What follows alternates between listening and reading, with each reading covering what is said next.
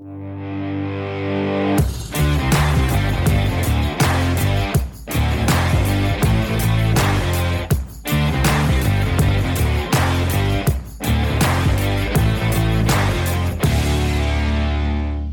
ליאור, מה נשמע? בסדר, אלכס, מה קורה? וואו, שמע, הרבה הרבה קורה, הרבה קרה נראה לי. וואו, המון, המון קרה, מאז המון. ההקלטה הקודמת. אה, תשמע, אני עדיין כולי באנרגיות של אה, אליפות העולם אה, באיש ברזל שהייתה בהוואי. אה, טוב, אנחנו הולכים לדבר על זה, אבל קודם נראה לי, היה לנו הרבה הרבה תחרויות אחרות באמצע. היה את ה Epic, הייתה את ה XTERRA, אה, אליפות העולם ב XTERRA שהשתתפת בה באיטליה, היה לנו את גן שמואל. אז אה, אני אומר, בוא, בוא אולי נתחיל לדבר, נתחיל מהמקומי. נתחיל, נתחיל קצת מגן שמואל. כן, נדבר על כמה תחרויות, אחרי זה נדבר על כמה דברים מקצועיים, ובסוף נדבר כמובן בהרחבה על הוואי. אבל uh, לא נקדיש את כל הפרק להוואי, אבל כמובן נדבר לא מעט על הוואי, כי בסוף זה משהו שזורם לנו בדם. כן, ובאמצע נס, ננסה לשלב כל מיני אספקטים מקצועיים, uh, בטח יעלו כל מיני שאלות מעניינות, uh, אז יהיה פה דיון מעניין. גן שמואל. גן שמואל, יאללה. אה, תשמע, גן שמואל, קודם כל, תמיד אני אומר לאנשים, תקשיבו, גן שמואל זה כמו חומוסייה.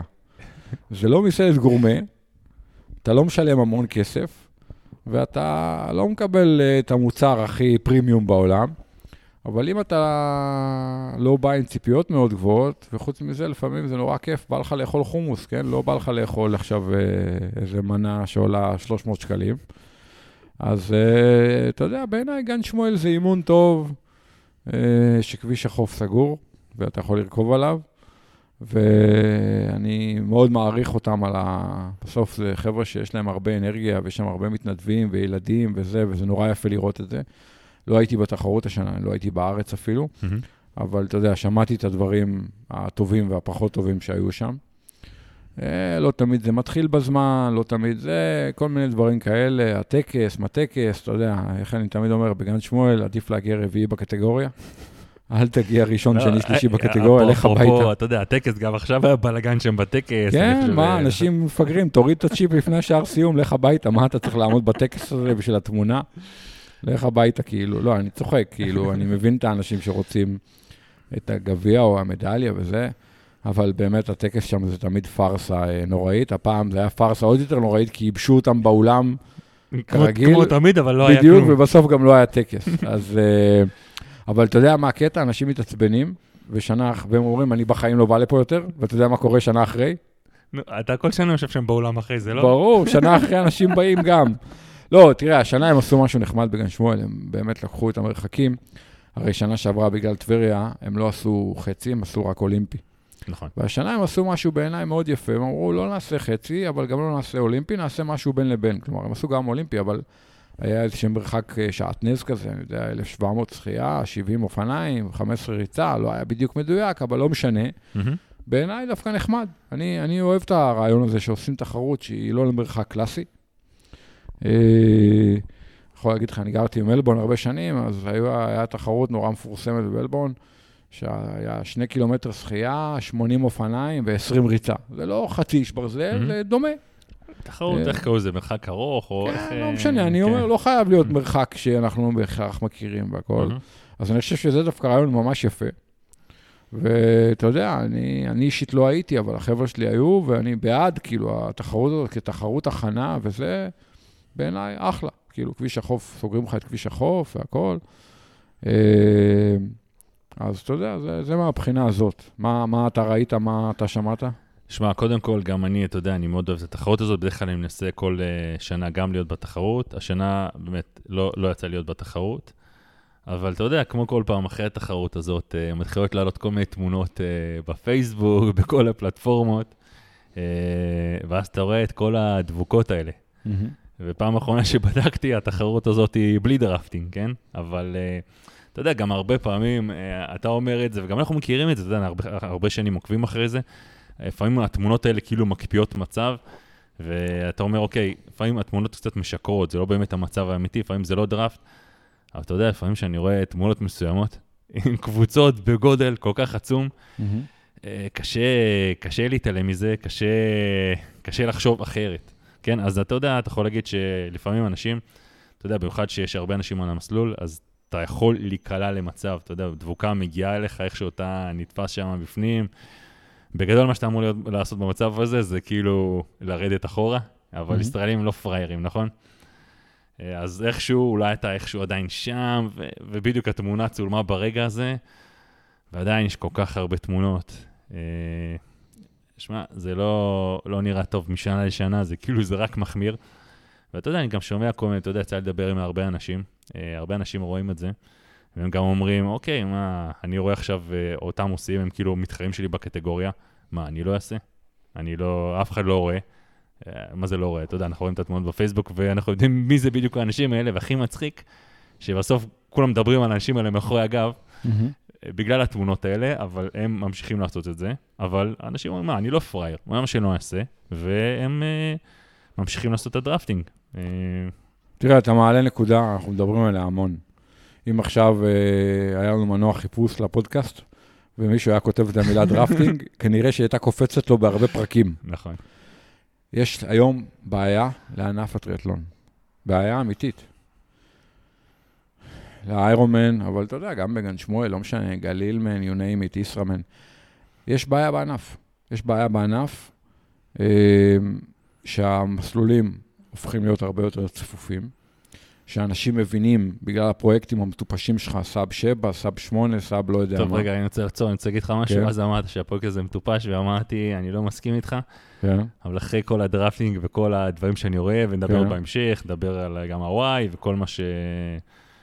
כל מה שהיה, אה, אני, אני מסכים איתך. אני מסכים איתך שזה באמת משהו, אתה יודע, שאנשים רואים את, ה, את היתרון הגדול שזה יכול לתת לך. אנשים אומרים, מה, מה, אני מטומטם? למה שאני לא ארמה גם? אם מישהו לא יתפוס אותי, למה שאני לא ארמה? זה ה... אתה יודע. אני, לצערי. אני נאלץ להסכים איתך, ולכן אני חושב שיש היום בעיה קשה לענף. יש דרכים לנסות לפתור את זה, או לפחות להפחית את הבעיה.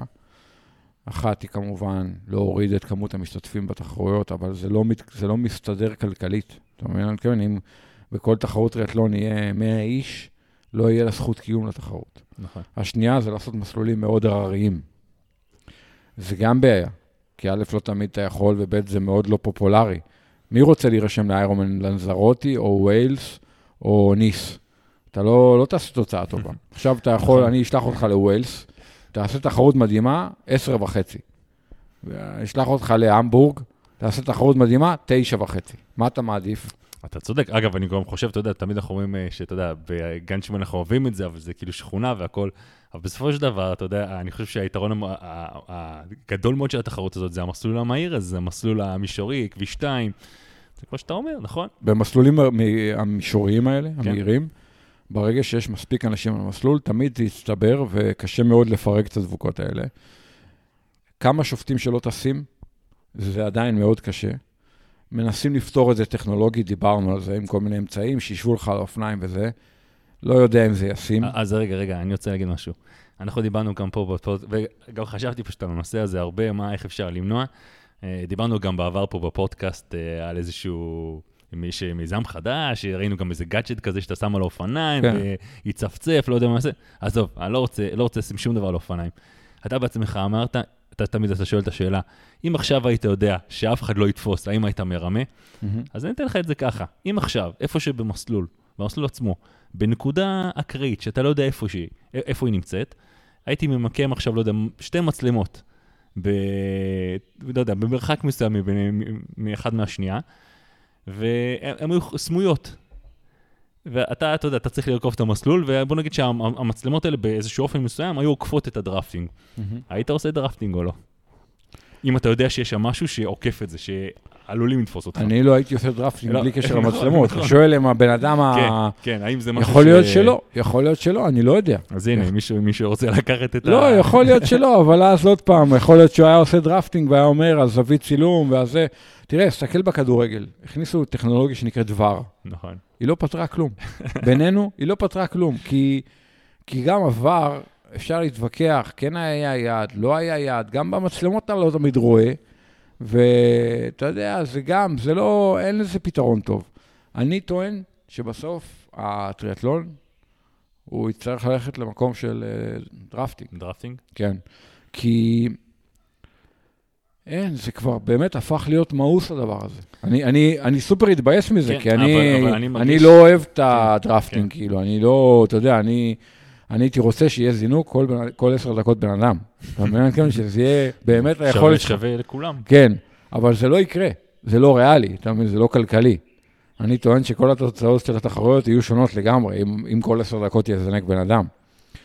אה, יש בעיה לענף, הבעיה שבבעיה הזאתי, כולם במרכאות נהנים ממנה. למה כולם נהנים ממנה? כי הספורטאים נהנים כי הם עושים תוצאות טובות, נכון? כולם רודפים אחרי תוצאות. ברור. המארגנים אה, מבסוטים, למה המארגנים מבסוטים?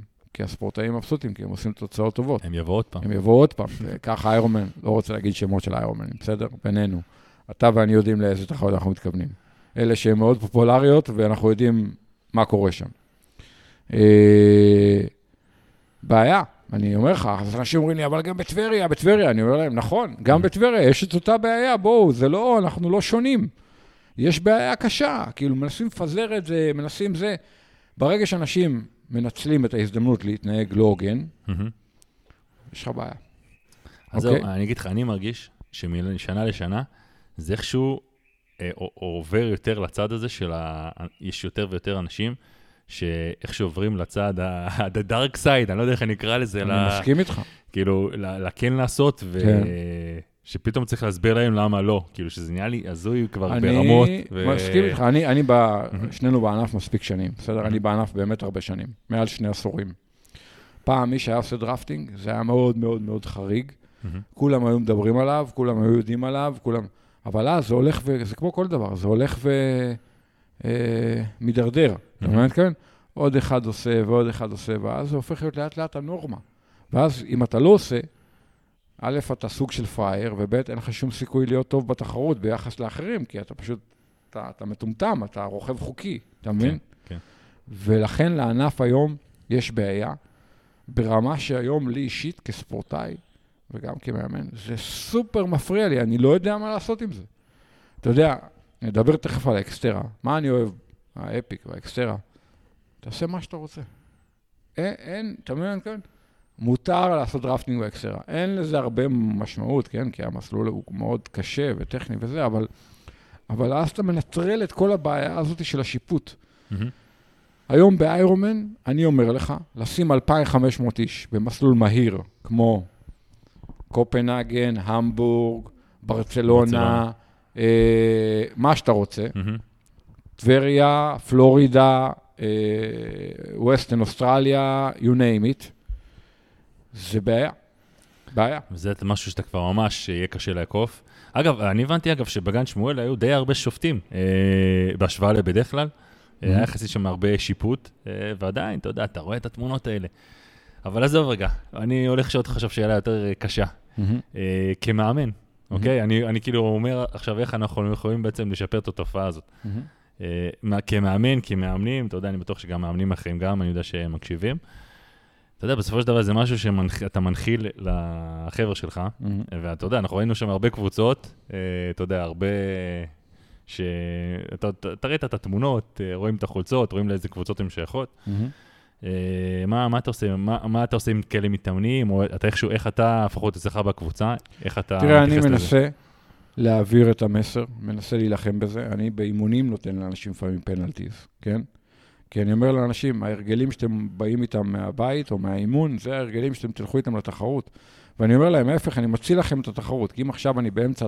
באמצע אימון עוצר בן אדם וצועק עליו, או אומר לו, תעמוד פה עכשיו כמה דקות, אני בעצם בא לטובתו, כי אם אני אעשה לו את זה, אולי הוא יבין איך לרכוב חוקי, והוא לא ירכוב לא חוקי בתחרות, ויחטוף פנלטי וכדומה.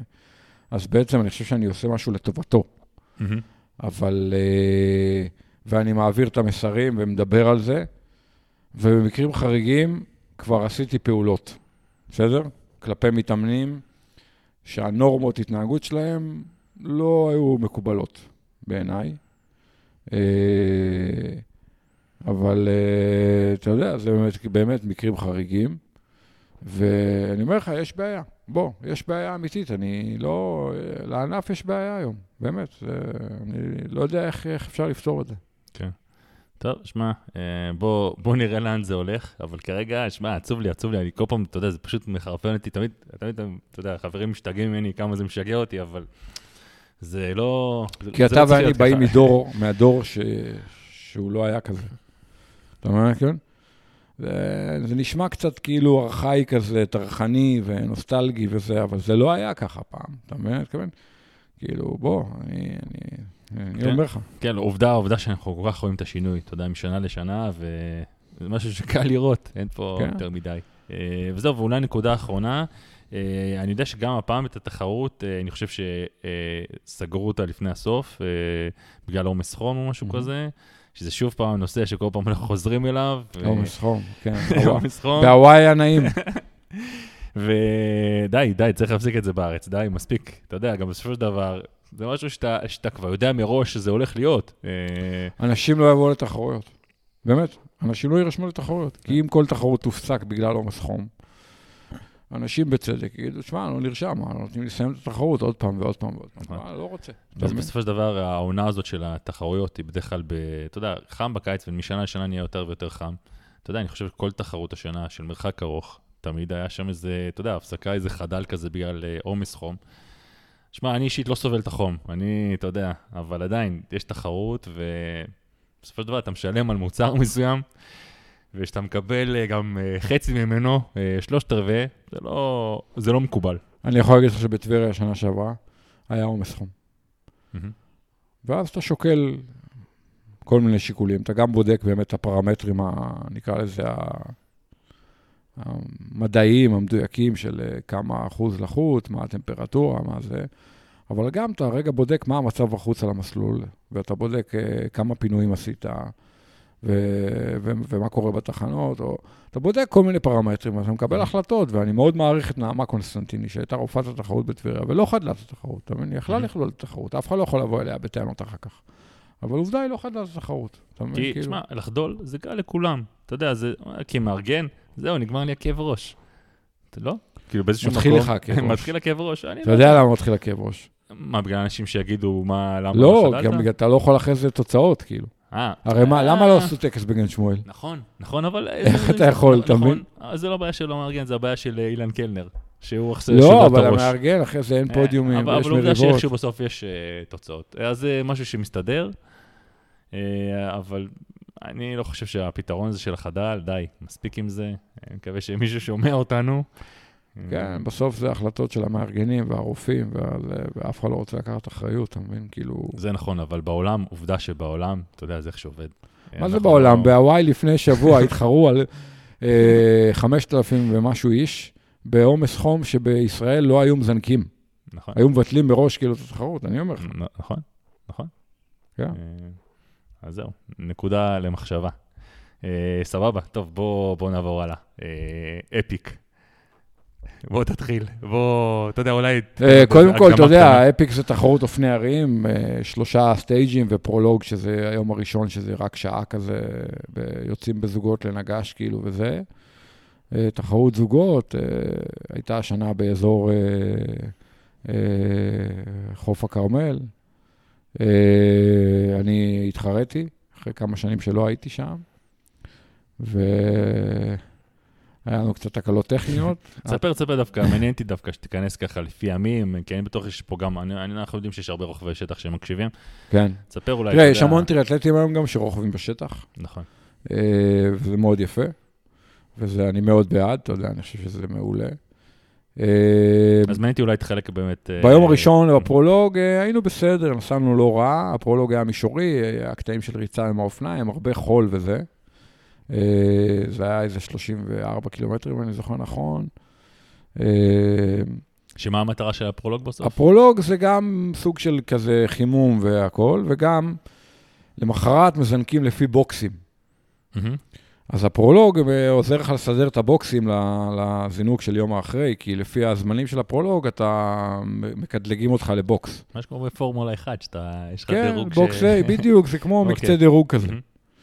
אז אה, זה היה הפרולוג, אה, צור ואני היינו, נדמה לי, רביעי ב Masters בפרולוג, נסענו בסדר, לא מדהים. אה, אבל אתה יודע, אין לזה המון משמעות גם על התחרות הכוללת, כי יש לך עוד הרי אחרי זה שלושה סטייג'ים והכל. אה, למחרת אה, יצאנו לסטייג' הראשון, ואחרי איזה שעה וחצי, לדעתי אולי אפילו פחות, שעה וקצת, אה, המוט כיסא של צור, הדרופר, מה שנקרא, שאתה יכול להוריד את המוט כיסא כדי שיהיה לך יותר קל לרכב בירידות, במקומות טכניים והכול, מהמם. אה, ירד ולא עלה, הייתי. אוקיי? אחרי שעה וחצי. וכשהוא גם בירידה, כשהוא הוריד אותו, והוא לא עלה, אז הוא היה עסוק בלנסות להעלות אותו, אז הוא גם לא שם לב, הוא נתקע באיזה מעבר בקר לא טוב, אז הוא גם חטף שני פאנצ'רים. וואו. אבל את הפאנצ'רים סידרנו די מהר, הפאנצ'רים האלה לא היו מסובכים. אבל המוט כיסא, אי אפשר היה להעלות אותו יותר, הוא נתקע למטה, וצור רכב עם מוט כיסא למטה הרבה זמן. לא יודע להגיד לך בדיוק כמה זמן, אבל לפחות שעה וחצי, שעתיים. וואו. אה, הוא רכב מ- מדהים, כאילו ביחס לזה שהוא רכב בעמידה או בישיבה בגובה אפס, אבל איבדנו הרבה מאוד זמן, גם כשעמדנו לסדר, לנסות לסדר את זה, וגם אחרי זה, אתה יודע, רכבנו בקצב אפס. אה, בסופו של דבר, אה, איך אתה, איך, אני מניח שאתה מסיים יום כזה, איך אתה, מה, המחשבות בראש? בשלב מסוים הגענו לתחנת אה, מכונאים של שימאנו, והם החליפו לו מוט כיסא. אה, אוקיי. ואז כאילו בשעה, שעה וחצי האחרונות כבר היינו עם עוד כיסא, כאילו בסדר, אוקיי, אבל הוא אוקיי. היה גמור, כי הרגליים שלו היו כן, גמורות. מהרכיבה בעמידה. אז נסענו הכי טוב שאפשר, ואתה יודע, זה די חרבן לנו את היום, כאילו, הרג לנו את היום. ו... ואתה יודע, ואז למחרת אמרנו, טוב, רגע, יאללה. שנייה, איזה, איך- איך אתה, מה אתה אומר אצלך בערב? אני מניח, אתה יודע, זה לא קל לסיים, כי הרי בסופו של דבר, המטרה שלכם, אתם כן רציתם, אה, המטרה זה פודיום, נכון? המטרה הייתה פודיום במאסטרס, גם ברמה היומיומית, אבל גם בכללי, כן, וחשבנו שזה ריאלי, שזה לא יהיה קל, כי היו זוגות סבבה, אבל היינו שם, היינו אמורים להיות מעורבבים בפודיום, כאילו, באזור חיוג של הפודיום. אז אחרי היום הזה, אתה עדיין חיובי, קודם כל, ברגע שזה קרה, עמוד כיסא, אז ראינו שאי אפשר לעלות אותו, אז אתה יודע, צור רגע אמר לי, תשמע, אני, זהו, אני סיימתי, כאילו, אני לא יכול, אין מה לעשות, כאילו. אז לרגע חשבנו שאולי אני אמשיך לבד, וזהו, וכאילו, אתה יודע, הלכה התחרות. אבל אז אמרנו, טוב, בואו ננסה בכל זאת רגע להמשיך, וזה, ונראה, ואתה יודע, כי יכולנו לחתוך, כאילו, באותו רגע. יכולנו להיפרד, הוא היה נוסע הביתה. ואני הייתי ממשיך, אבל הייתי יכול להמשיך, אבל אני מחוץ לתחרות, כי כן. אני לבד. בסופו של דבר סיימנו את היום הזה, איבדנו המון המון זמן. אה, לדעתי איבדנו איזה 40 דקות, לא יודע כמה. אה, ואמרנו, טוב, בוא, יש עוד יומיים. אנחנו נתקן, אנחנו ניסע הכי טוב שאפשר, ולפחות נעשה פודיומים יומיים, נעשה... למחרת זינקנו, אחרי איזה כמה דקות אני חטפתי איזה פאנצ'ר אה, ממש רע, וסוג של קרע בצמיג, ושמנו תולעים, וזה אחרי זה יצא, ושמנו עוד פעם, ובסופו של דבר הגענו לשלב הפנימית, שאתה הופך גלגל טיובלס לגלגל עם פנימית, וואו. ואז זה כבר מתחיל להיות בלאגן. וגם מתישהו הפנימית אה, התפנצ'רה. וקיצר, יום שהסתבך עם פאנצ'ר ממש רע, איבדנו הרבה מאוד זמן. אה, אתה יודע, אתה כל פעם רוכב, מתקדם, עוצר, רוכב, מתקדם, וואו, עוצר, רוכב. כולם כבר באיזשהו שלב צחקו עלינו, כי היו אה, כאלה שעקפו אותנו כמה פעמים ועקפנו אותם עוד פעם, והפכנו להיות הבדיחה של האירוע באותו יום. אה, אבל אתה יודע, המשכנו הכי טוב שיכולנו, לא אני ויתרנו. מניח שאחרי כל, כל דבר כזה שאתה מתקן, אז אני, אתה בטח חוזר לבתים איתו, אתה חוזר ל... אתה, אתה מנסה כאילו להשלים את הפער. כן. אני מניח שאתה לא נשאר באותו קצב כמו קודם, נכון? לא, לא, לא, אתה פול אז גז. כאילו גם זה. משהו, אתה יודע, אתה כל פעם שורף כן. עוד ועוד גפרורים. בטח, אה, פול גז. וואו. וביום האחרון נסענו טוב. לא היה לנו תקלות, נסענו טוב, ובאמת נסענו טוב, כאילו, נסענו כמו שחשבתי שאנחנו יכולים וצריכים לנסוע. וסיימנו מקום שני ב Masters, אחרי נועם ויובל, ו...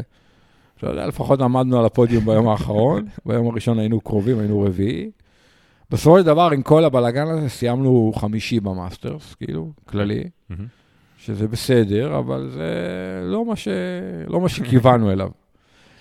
אה, אתה יודע, אני חושב שנועם ויובל, אה, נועם סטרשנו ויובל פרידמן הם ברמה מאוד מאוד גבוהה, ובאמת צריך יום, ימים ממש טובים כדי לנצח אותם במאסטרס, ואולי קצת מזל וזה, אבל בוא נגיד שעל מקום שני אני בטוח שיכולנו להיאבק. אבל לא היינו שם. תשמע, זה קשוח, כי, אתה יודע, זו תחרות שגם אתה מתאמן עליה הרבה. אתה יודע, התאמנתם לזה הרבה. זה משהו כן, ש... חבל על הזמן. אה, זה קשה, זה קשה, אתה יודע, על, על משהו בסופו של דבר טכני, אה, שזה נגמר ככה, זה מבאס מאוד. כן, אבל אה, צריך לקבל את זה. ובמיוחד בשטח, זה חלק מהמשחק. זה קורה גם בכביש, אבל אתה יודע, זה בטח ובטח בשטח. זהו, אתה יודע, החבר'ה שהתחרו נגדנו רכבו מאוד יפה, ואתה יודע, צריך לפרגן להם ולהגיד את זה, וכמובן היו עוד תחרויות, לא רק ה Masters, היה, אתה יודע, אה, נשים, ונשים אה, אה, מעורב גברים. שגם הייתה תחרות נורא נחמדה, כי גם שם היה הרבה מאוד חבר'ה שהיה להם תקלות ועניינים וזה, ודווקא היה דינמיקה מאוד נחמד בזוגות מעורבים. וכמובן, הגברים UCI, שזה, אתה יודע, הזוג גרמנים שגם ניצחו את ה Cape Epic וזה, שהם הם ברמה עולמית, כאילו, זה כן. מאוד יפה שהם באים, כי הם כבר יכולים כבר לבחור את התחרות כן. שהם באים, אבל אה, זה יפה לראות שהם באים לתחרות. שמע, ו- צריך להגיד שהתחרות אה, מאורגנת ברמה מאוד גבוהה. עזוב סופר רגע את. המסוק. אה, עזוב, אני אגיד לך את זה יותר טוב. זו תחרות סיבולת. הכי מאורגנת בארץ. באמת, אני אומר לך. שמע, אני רוצה להגיד לך שאני באחד הימים באתי לעודד אותך, זה היה בעין הוד, והגעתי קצת קודם, איזה חצי שעה לפני. ממש אה, בעיר, כאילו, הם התארגנו שם, היה שם אנשים עם תחפושות, ממש הרגשתי כאילו אני ביום של, של הטור. מטורף. ממש מה? אה, אמרתי, מה, מה, מה, מה קורה כאן? אה, ממש, וואלה, אתה יודע, הם כאילו ממש חשבו על כל החלקים הכי קטנים, ואני, תשמע, אתה יודע, אני בא מטריאטלון בארץ, לא, לא, לא ראיתי אף פעם משהו כזה, מבחינת ארגון. מסכים איתך, הם עשו עבודה מאוד יפה בשיתוף הקהילה השנה. חצינו מלא בתי ספר, בתוך הבתי ספר. אתה יודע, למשל, בעין השופט, יש בית ספר ממש שם ליד הכיכר. רכבנו בתוך הבית ספר. וואלה. כן. וואו, וואו, עכשיו, לא רק שם, בעוד מקומות. שמע. זה היה מגניב, גדול. חבל הזמן. מלא ילדים וזה. ו- איזה גאוני. שמע, אה, עברנו בתוך יישובים, משמר העמק, רכבנו הפאמפ-טרק- הפאמפ-טרק של משמר העמק. זה קונספט מדהים, בעיניי, השיתוף קהילה הזה, ולעבור בבתי ספר וזה. שמע, מועצות מגיע להם כל הכבוד, המארגנים, באמת, אני אומר לך, היה אחלה. שמע, זה נשמע אדיר. אה, אני אשאל אותך את השאלה, אני, רגע, עכשיו כבר עבר מספיק זמן, אני יכול לשאול אותך, שנה הבאה? יש מצב, אתה יודע, קונספטואלית התשובה היא כן, אבל אני באמת לא, עוד לא החלטתי מה אני עושה שנה הבאה מבחינת תחרויות, זה גם קצת תלוי בקבוצה, וגם אחרי זה אני מחליט מה, מה בא לי, מה מסתדר לי, מה זה. אבל קונספטואלית, אני טוען שהאפיק זה אירוע לעשות.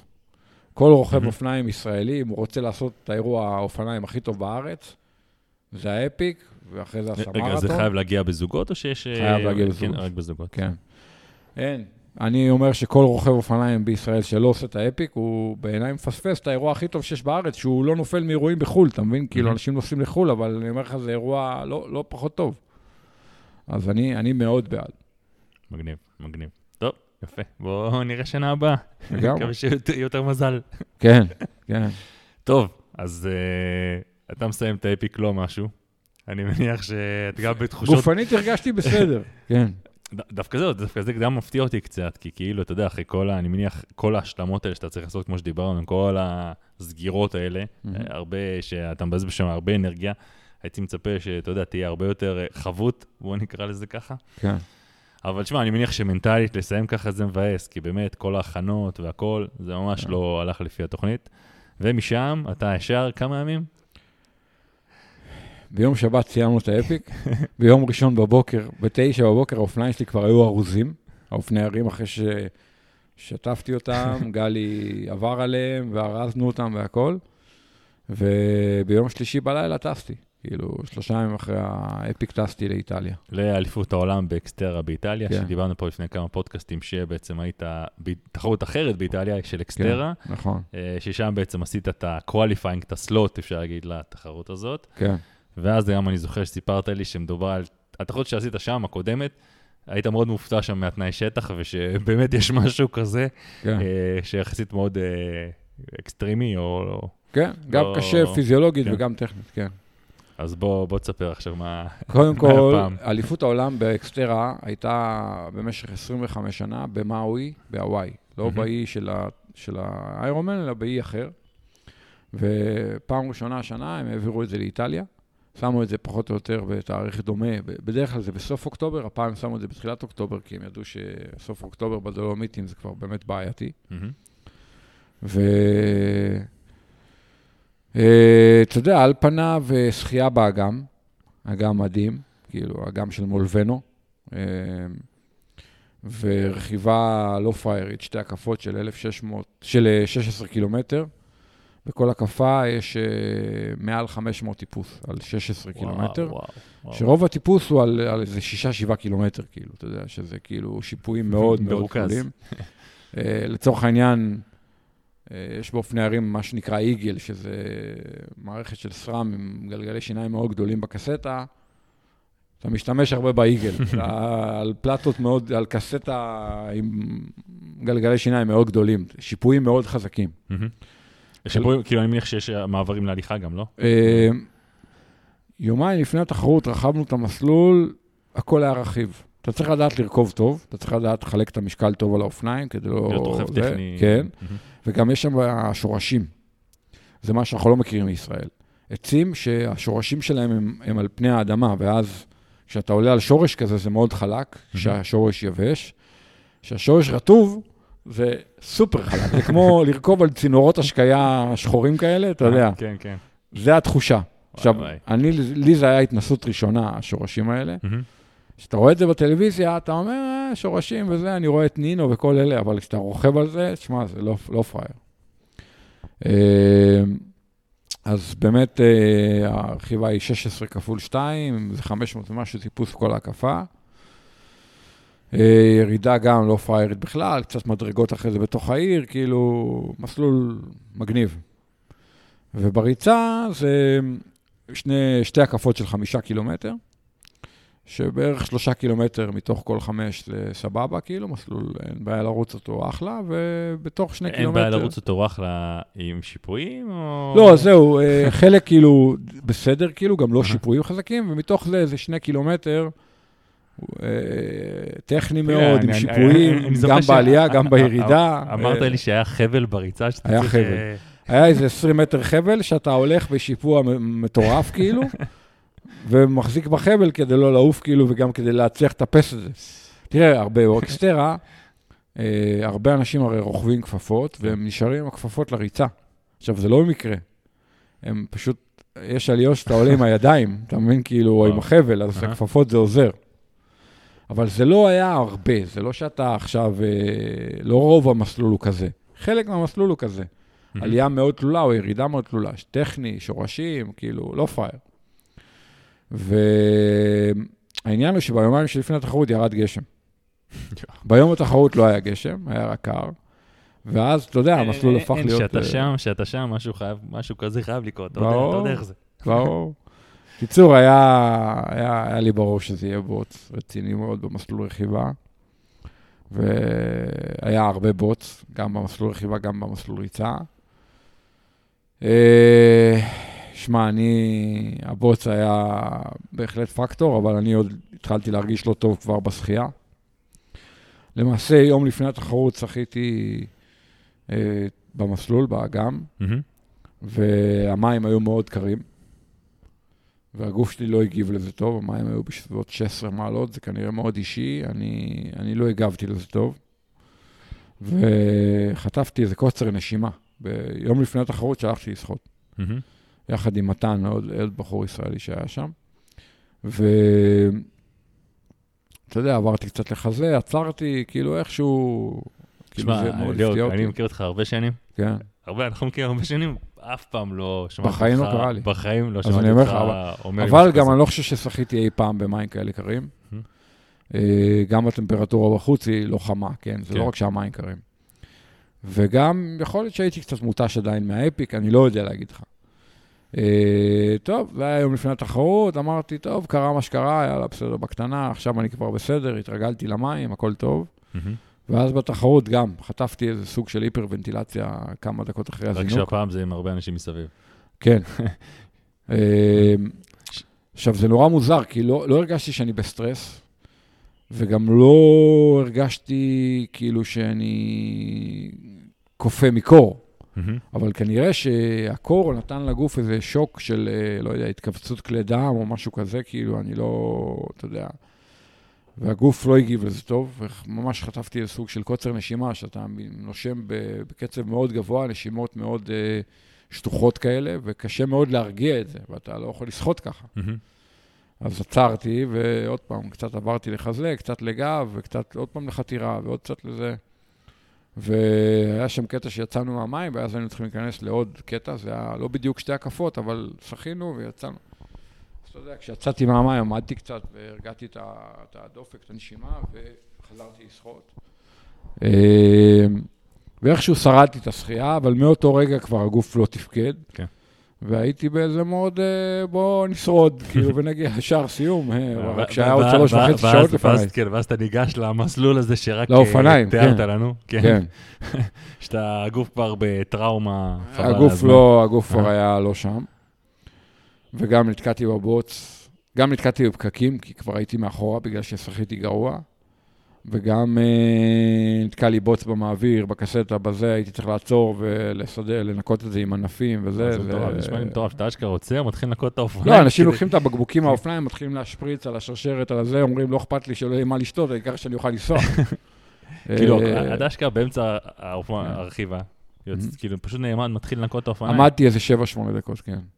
וואו. עכשיו, זה רולטה, כי חלק מהאנשים עמדו, חלק לא, זה אה, כנראה... אתה מבין, אני, זה, אתה יודע, דיברנו קודם על העומס חום וזה שמבטלים פה תחרויות על ימין ושמאל, על, אה, אתה יודע, על דברים אה, יחסית, ואז, אתה יודע, מקיימים אליפות עולם בתנאים כאלה, שאתה, מה שאתה מספר עכשיו, זה נשמע לי הזוי ברמות. כן. אתה יודע שהכל רטוב ככה, עזוב כמה, כמה שזה מסוכן. מלא אנשים לא סיימו, מלא לא- אנשים... מה, מה, כאילו, זה איפשהו מאבד את העניין התחרותי גם, אתה יודע, כמה, כמה קשוח זה כבר יכול להיות. כאילו, באיזשהו מקום יש, נהיה לי גבול פה שעובר, ש... שמע, זו שאלה טובה, כי גם בתחרויות אופני ערים, בסבב גביע העולם וזה, לפעמים נופלים על ימים של בוץ, שאתה אומר, שמע, זה לא תחרות אופני ערים, זה תחרות ריצה עם אופני כן, ערים, אתה כן, מבין? כאילו, כן. אבל- אבל בדרך כלל לא מבטלים את התחרות. כאילו. נכון. אין מה לעשות, אתה מבין? כאילו... אז פה היה גם לא מעט קטעים שרצנו עם האופניים, גם בעלייה, גם בירידה, בעיקר בעלייה. ויש קטעים שאפילו קשה לעלות עם האופניים, אתה עולה איזה עלייה ואתה מחליק בבוץ, כאילו, אתה לא מצליח לעלות עם האופניים, כאילו, להחזיק אותם וללכת קדימה, רגע, כאילו. אחד עוזר לשני שם? זה יש יש היה קטע גם כזה? קטעים כאלה. אה, ושורשים וזה, שמע, זה היה, היה שם כל מיני טעויות באיזשהו שלב. אבל איכשהו שרדתי, הקפה ראשונה, אתה יוצא לעוד הקפה. האמת שהקפה שנייה רכבתי יותר מהר, כי גם. טיפה התחממתי וגם לא נתקעתי בבוץ בהקפה השנייה. כאילו לא, לא נתקע לי בוץ והייתי צריך לעמוד. ו... ואז יצאתי לריצה, אבל באמת כבר הייתי, באמת הייתי מחוסל, הייתי באיזה מוד הישרדות כזה, ו... ואיך מבחינת תזונה, כאילו? אה, אתה המשך תרגיל? זינקתי עם ג'לים, היה לי איזוטוני, אבל באמת אני אומר לך שבאיזשהו שלב באמת הכנסתי כבר מעט יחסית קלוריות ושתיתי מעט, כבר הייתי באיזה מין מוד כזה, הרגשתי רע, לא הצלחתי כל כך לאכול ולשתות. אה, אמרתי, בוא, אני, אני מתקדם הכי מהר שאני יכול ונגיע לשער סיום, ואתה יודע. שמע, עשיתי שתי אקסטרות השנה, אחת הייתה לי מעולה ואחת הייתה לי לא טובה. אין מה לעשות, צריך להגיד את האמת. אה, בגרדה באביב היה לי אחלה. אה, פה לא, פה היה לי פחות טוב. אבל, תשמע, אני, אני עוקב אחרי מקצוענים, אתה עוקב גם, אתה יודע, היום הם מתחרים המון המקצוענים של האיש ברזל. מהמם. אתה רואה אותם עושים כמה וכמה תחרויות בשנה, אתה רואה את התהפוכות שהם עוברים במהלך השנה מבחינת הביצוע בתחרויות וזה, אתה אומר, זה... אפילו אני חושב בהמשך נדבר על אחת כזאת. כן. אוקיי. אז אה, וואלה, אתה יודע. עשיתי אקסטרה, אליפות העולם, במולבנו. אה, אני לא מרוצה מהביצוע שלי. אה, זה אמור להיות שם גם שנה הבאה לדעתי וגם עוד שנתיים. אתה רואה את עצמך חוזר? יש מצב. יש מצב. אני לא אוהב להשאיר דברים ככה. אה, וגם, שמע, האירוע עצמו וזה הוא fun. אה, זה אחלה אירוע, במיוחד אליפות העולם וזה, זה כיף, אתה יודע, וזה. אה, אז כן, יש מצב, אחלה, יפה. טוב, בוא נראה. לגמרי. אה, אחלה. טוב, אז אה, דיברנו על גן שמואל אפיק. אה, עכשיו, שמע, לפני חודש היה גם את אליפות עולם באופניים, בנגש, כביש. גם זה משהו שהיה. כן, אתה יודע, היה באוסטרליה, היה בעיקר מאורעות הציפורים. כן, כן, ציפורים. ציפורים, תקלות, כל כמה תאונות. שנים הציפורים האלה חוזרות. כן, כן, כן. שמע, היה... היית באוסטרליה, כשהיית באוסטרליה, גם אותך היית המקפאי? היו תוקפים אותנו בתקופה מסוימת שהם מקננים, שיש להם גוזלים וזה. ואתה רוכב כאילו, ופתאום הם יורדים עליך והם עושים לך ככה על הקסדה עם הרגליים שלהם, הציפורניים, דופקים לך על הקסדה. זה מאוד מפחיד. הם לא פוגעים בך, כן? הם לא יעשו לך משהו. אבל זה מאוד מפחיד. כאילו זה יכול לגרום לך להתרסק, בוא נגיד ככה. בטח, בוודאות. ומה כי- שעושים כי זה... מהצד זה נראה כאילו, לפעמים זה נראה, אתה יודע מה, את כולה היא נוגעת בך קצת, זה לא לא, נראה לא, משהו- לא, בוא, זה לא כיף, זה לא נעים. כן, הם באים לך מאחור, מהצד, ו... מה שהחבר'ה. עושים זה מחברים אזיקונים אה, לקסדה, כאילו כלפי מעלה כמו אנטנות, ואז זה מפחיד אותם, ואז הם לא תוקפים את ה... לא תוקפים לך את הקסדה. אה, שמע, זה ציפור, זה כמו עורב, אבל עורב משוגע. אה, אז כן, אתה יודע, היה במאורעות ונדרפול עם המלון ועם הזה, כן, וכל כן, ה... כן, היה כן. העולם, אה, נשים, גברים, אה, זה. ובסוף שבוע האחרון היה היה אליפות העולם בגראבל. UCI אני- הרי אני פעם אפילו- אני אפילו לא ראשונה. ידעתי על זה. אתה מבין? UCI עשו פעם ראשונה אליפות העולם כן, בגראבל. כן. ראיתי תקציר. לא, לא ראיתי את השידור, אני לא יודע אם אפשר היה לראות את השידור. אה, מגניב, מג- יש קטע. שמע, היה גם ונדרפול וסאגן כן. וזה, וכאילו, יש קטע. לא, שמע, קודם כל זה שאתה רואה שמות כאלה מגיעים באמת לאירוע כזה, אה, אבל באמת פעם ראשונה, ואיכשהו באמת אני לא, אולי לא מספיק מחובר לזה, אה, אני, אתה יודע שלא אמרת לי את זה פה, שאנחנו יכולים לדבר על זה בפודקאסט, כן. לא, לא הייתי מודע לזה, אבל מגניב, אבל תשמע, זה נראה באמת שמשנה לשנה הגראבל באמת, באמת נהיה שיש לו יותר ויותר מקום, ה-UCI לקחו את זה, אומרים שה-UCI גם יהרסו את זה, אבל... אה, כן, אבל אה, כן, רואים, אתה יודע, יותר ויותר, בארץ עדיין, לא יודע, לא יודע אם יש לנו מספיק תשתיות או זה, לזה, אבל... אה, אני אומר לך שבאמריקה, באירופה לא כל כך. באמריקה זה הענף סיבולת, לדעתי, הכי מתפתח. כן, אבל, שמע, יש להם ממש גם עונות, אתה יודע, אני יודע שם את העונה, העונה שהם עושים את הגראבל, אני יודע שגם שם הרבה טריאטלטים בעונה מסוימת גם עוברים לגראבל, הרבה רוכבי כביש עוברים לעשות את זה, אז כן, כן. כן, זה... אני אומר לך שאתה תראה בשנים הקרובות גראבל טריאטלון, כן. לא רק שפרודן לא מארגן, אלא פתאום עוד תחרויות כאלה. כן. כי זה קונספט מגניב. נכון? האקסטרה, שאני השתתפתי, זה בעיה, זה לא מתאים לכל אחד. גם בגרדה וגם במולבנובו, זה מסלולים מאוד קשים טכנית וזה. אבל תחשוב על תחרות גראבל טריאטלון, שמתאימה לכל רוכב אופניים, כאילו לכל טריאטלט, שמע, יש קטע, זה כן. מגניב. לא, גם זה גיוון, וזה...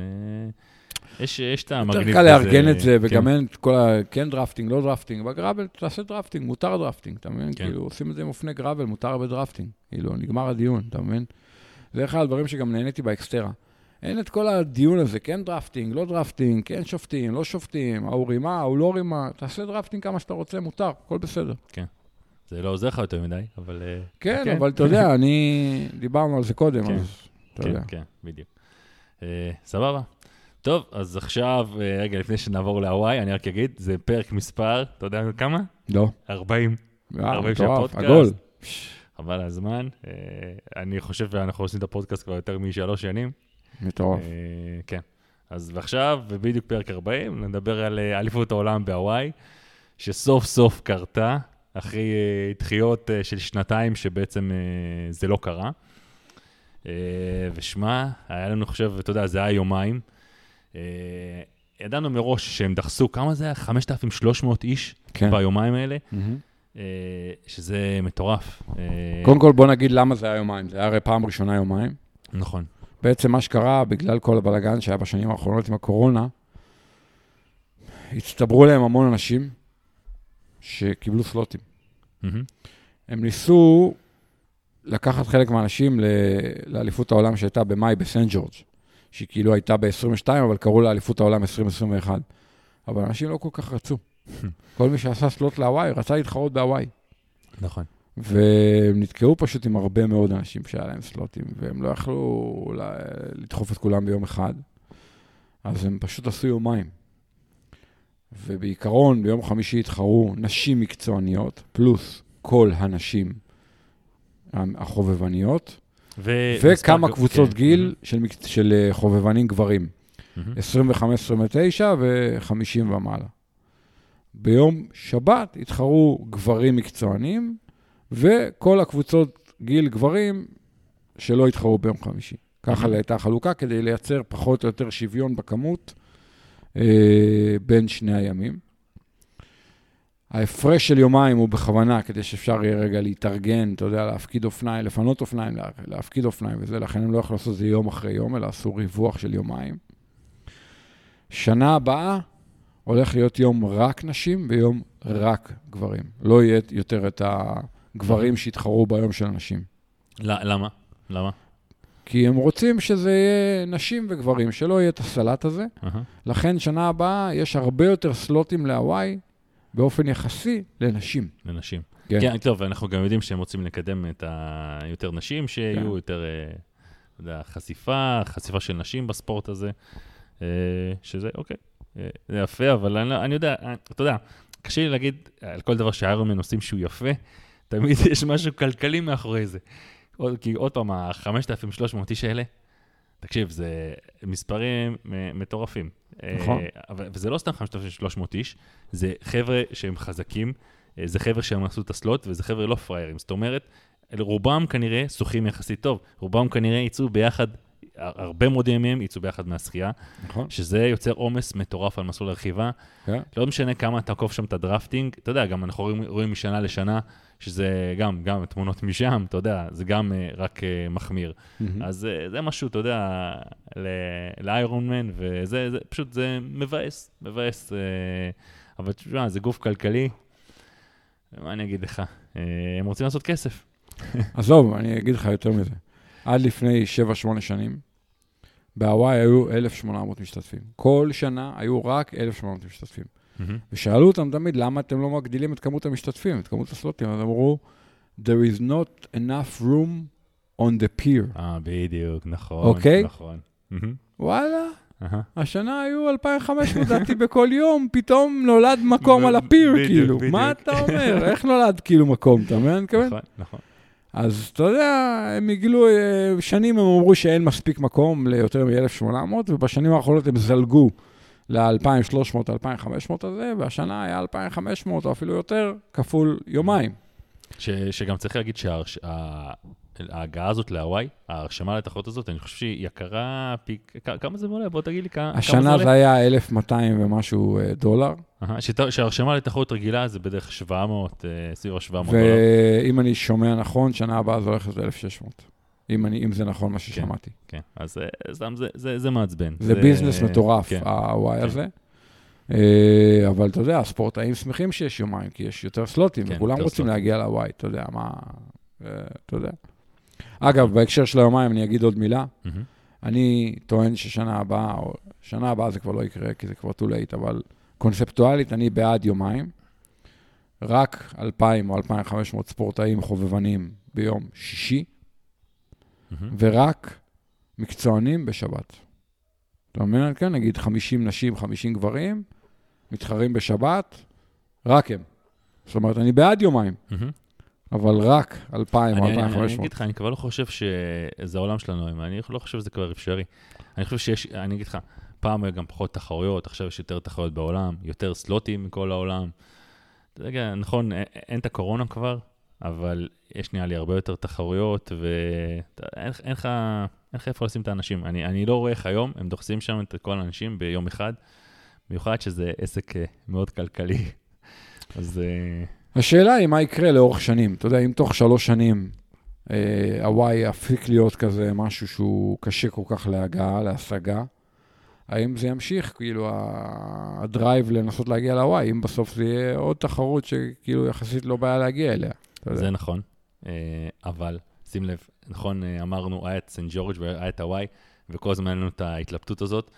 אה, באמת, כמה, מה החשיבות של הוואי בעיני האנשים, ואיך נו, באמת הם רואים את זה. אתה זוכר את הוויכוח שלנו. היה לנו את הוויכוח, ושמע, אחרי מה, שה, מה שהיה עכשיו, כן. אחרי כל הבאז סביב התחרות הזאת, הימים לפני התחרות, כל הסרטונים לפני התחרות, תגיד לי, אפשר להשוות בכלל? אני, אני הראשון שאומר את זה. הרי כל מי שאומר...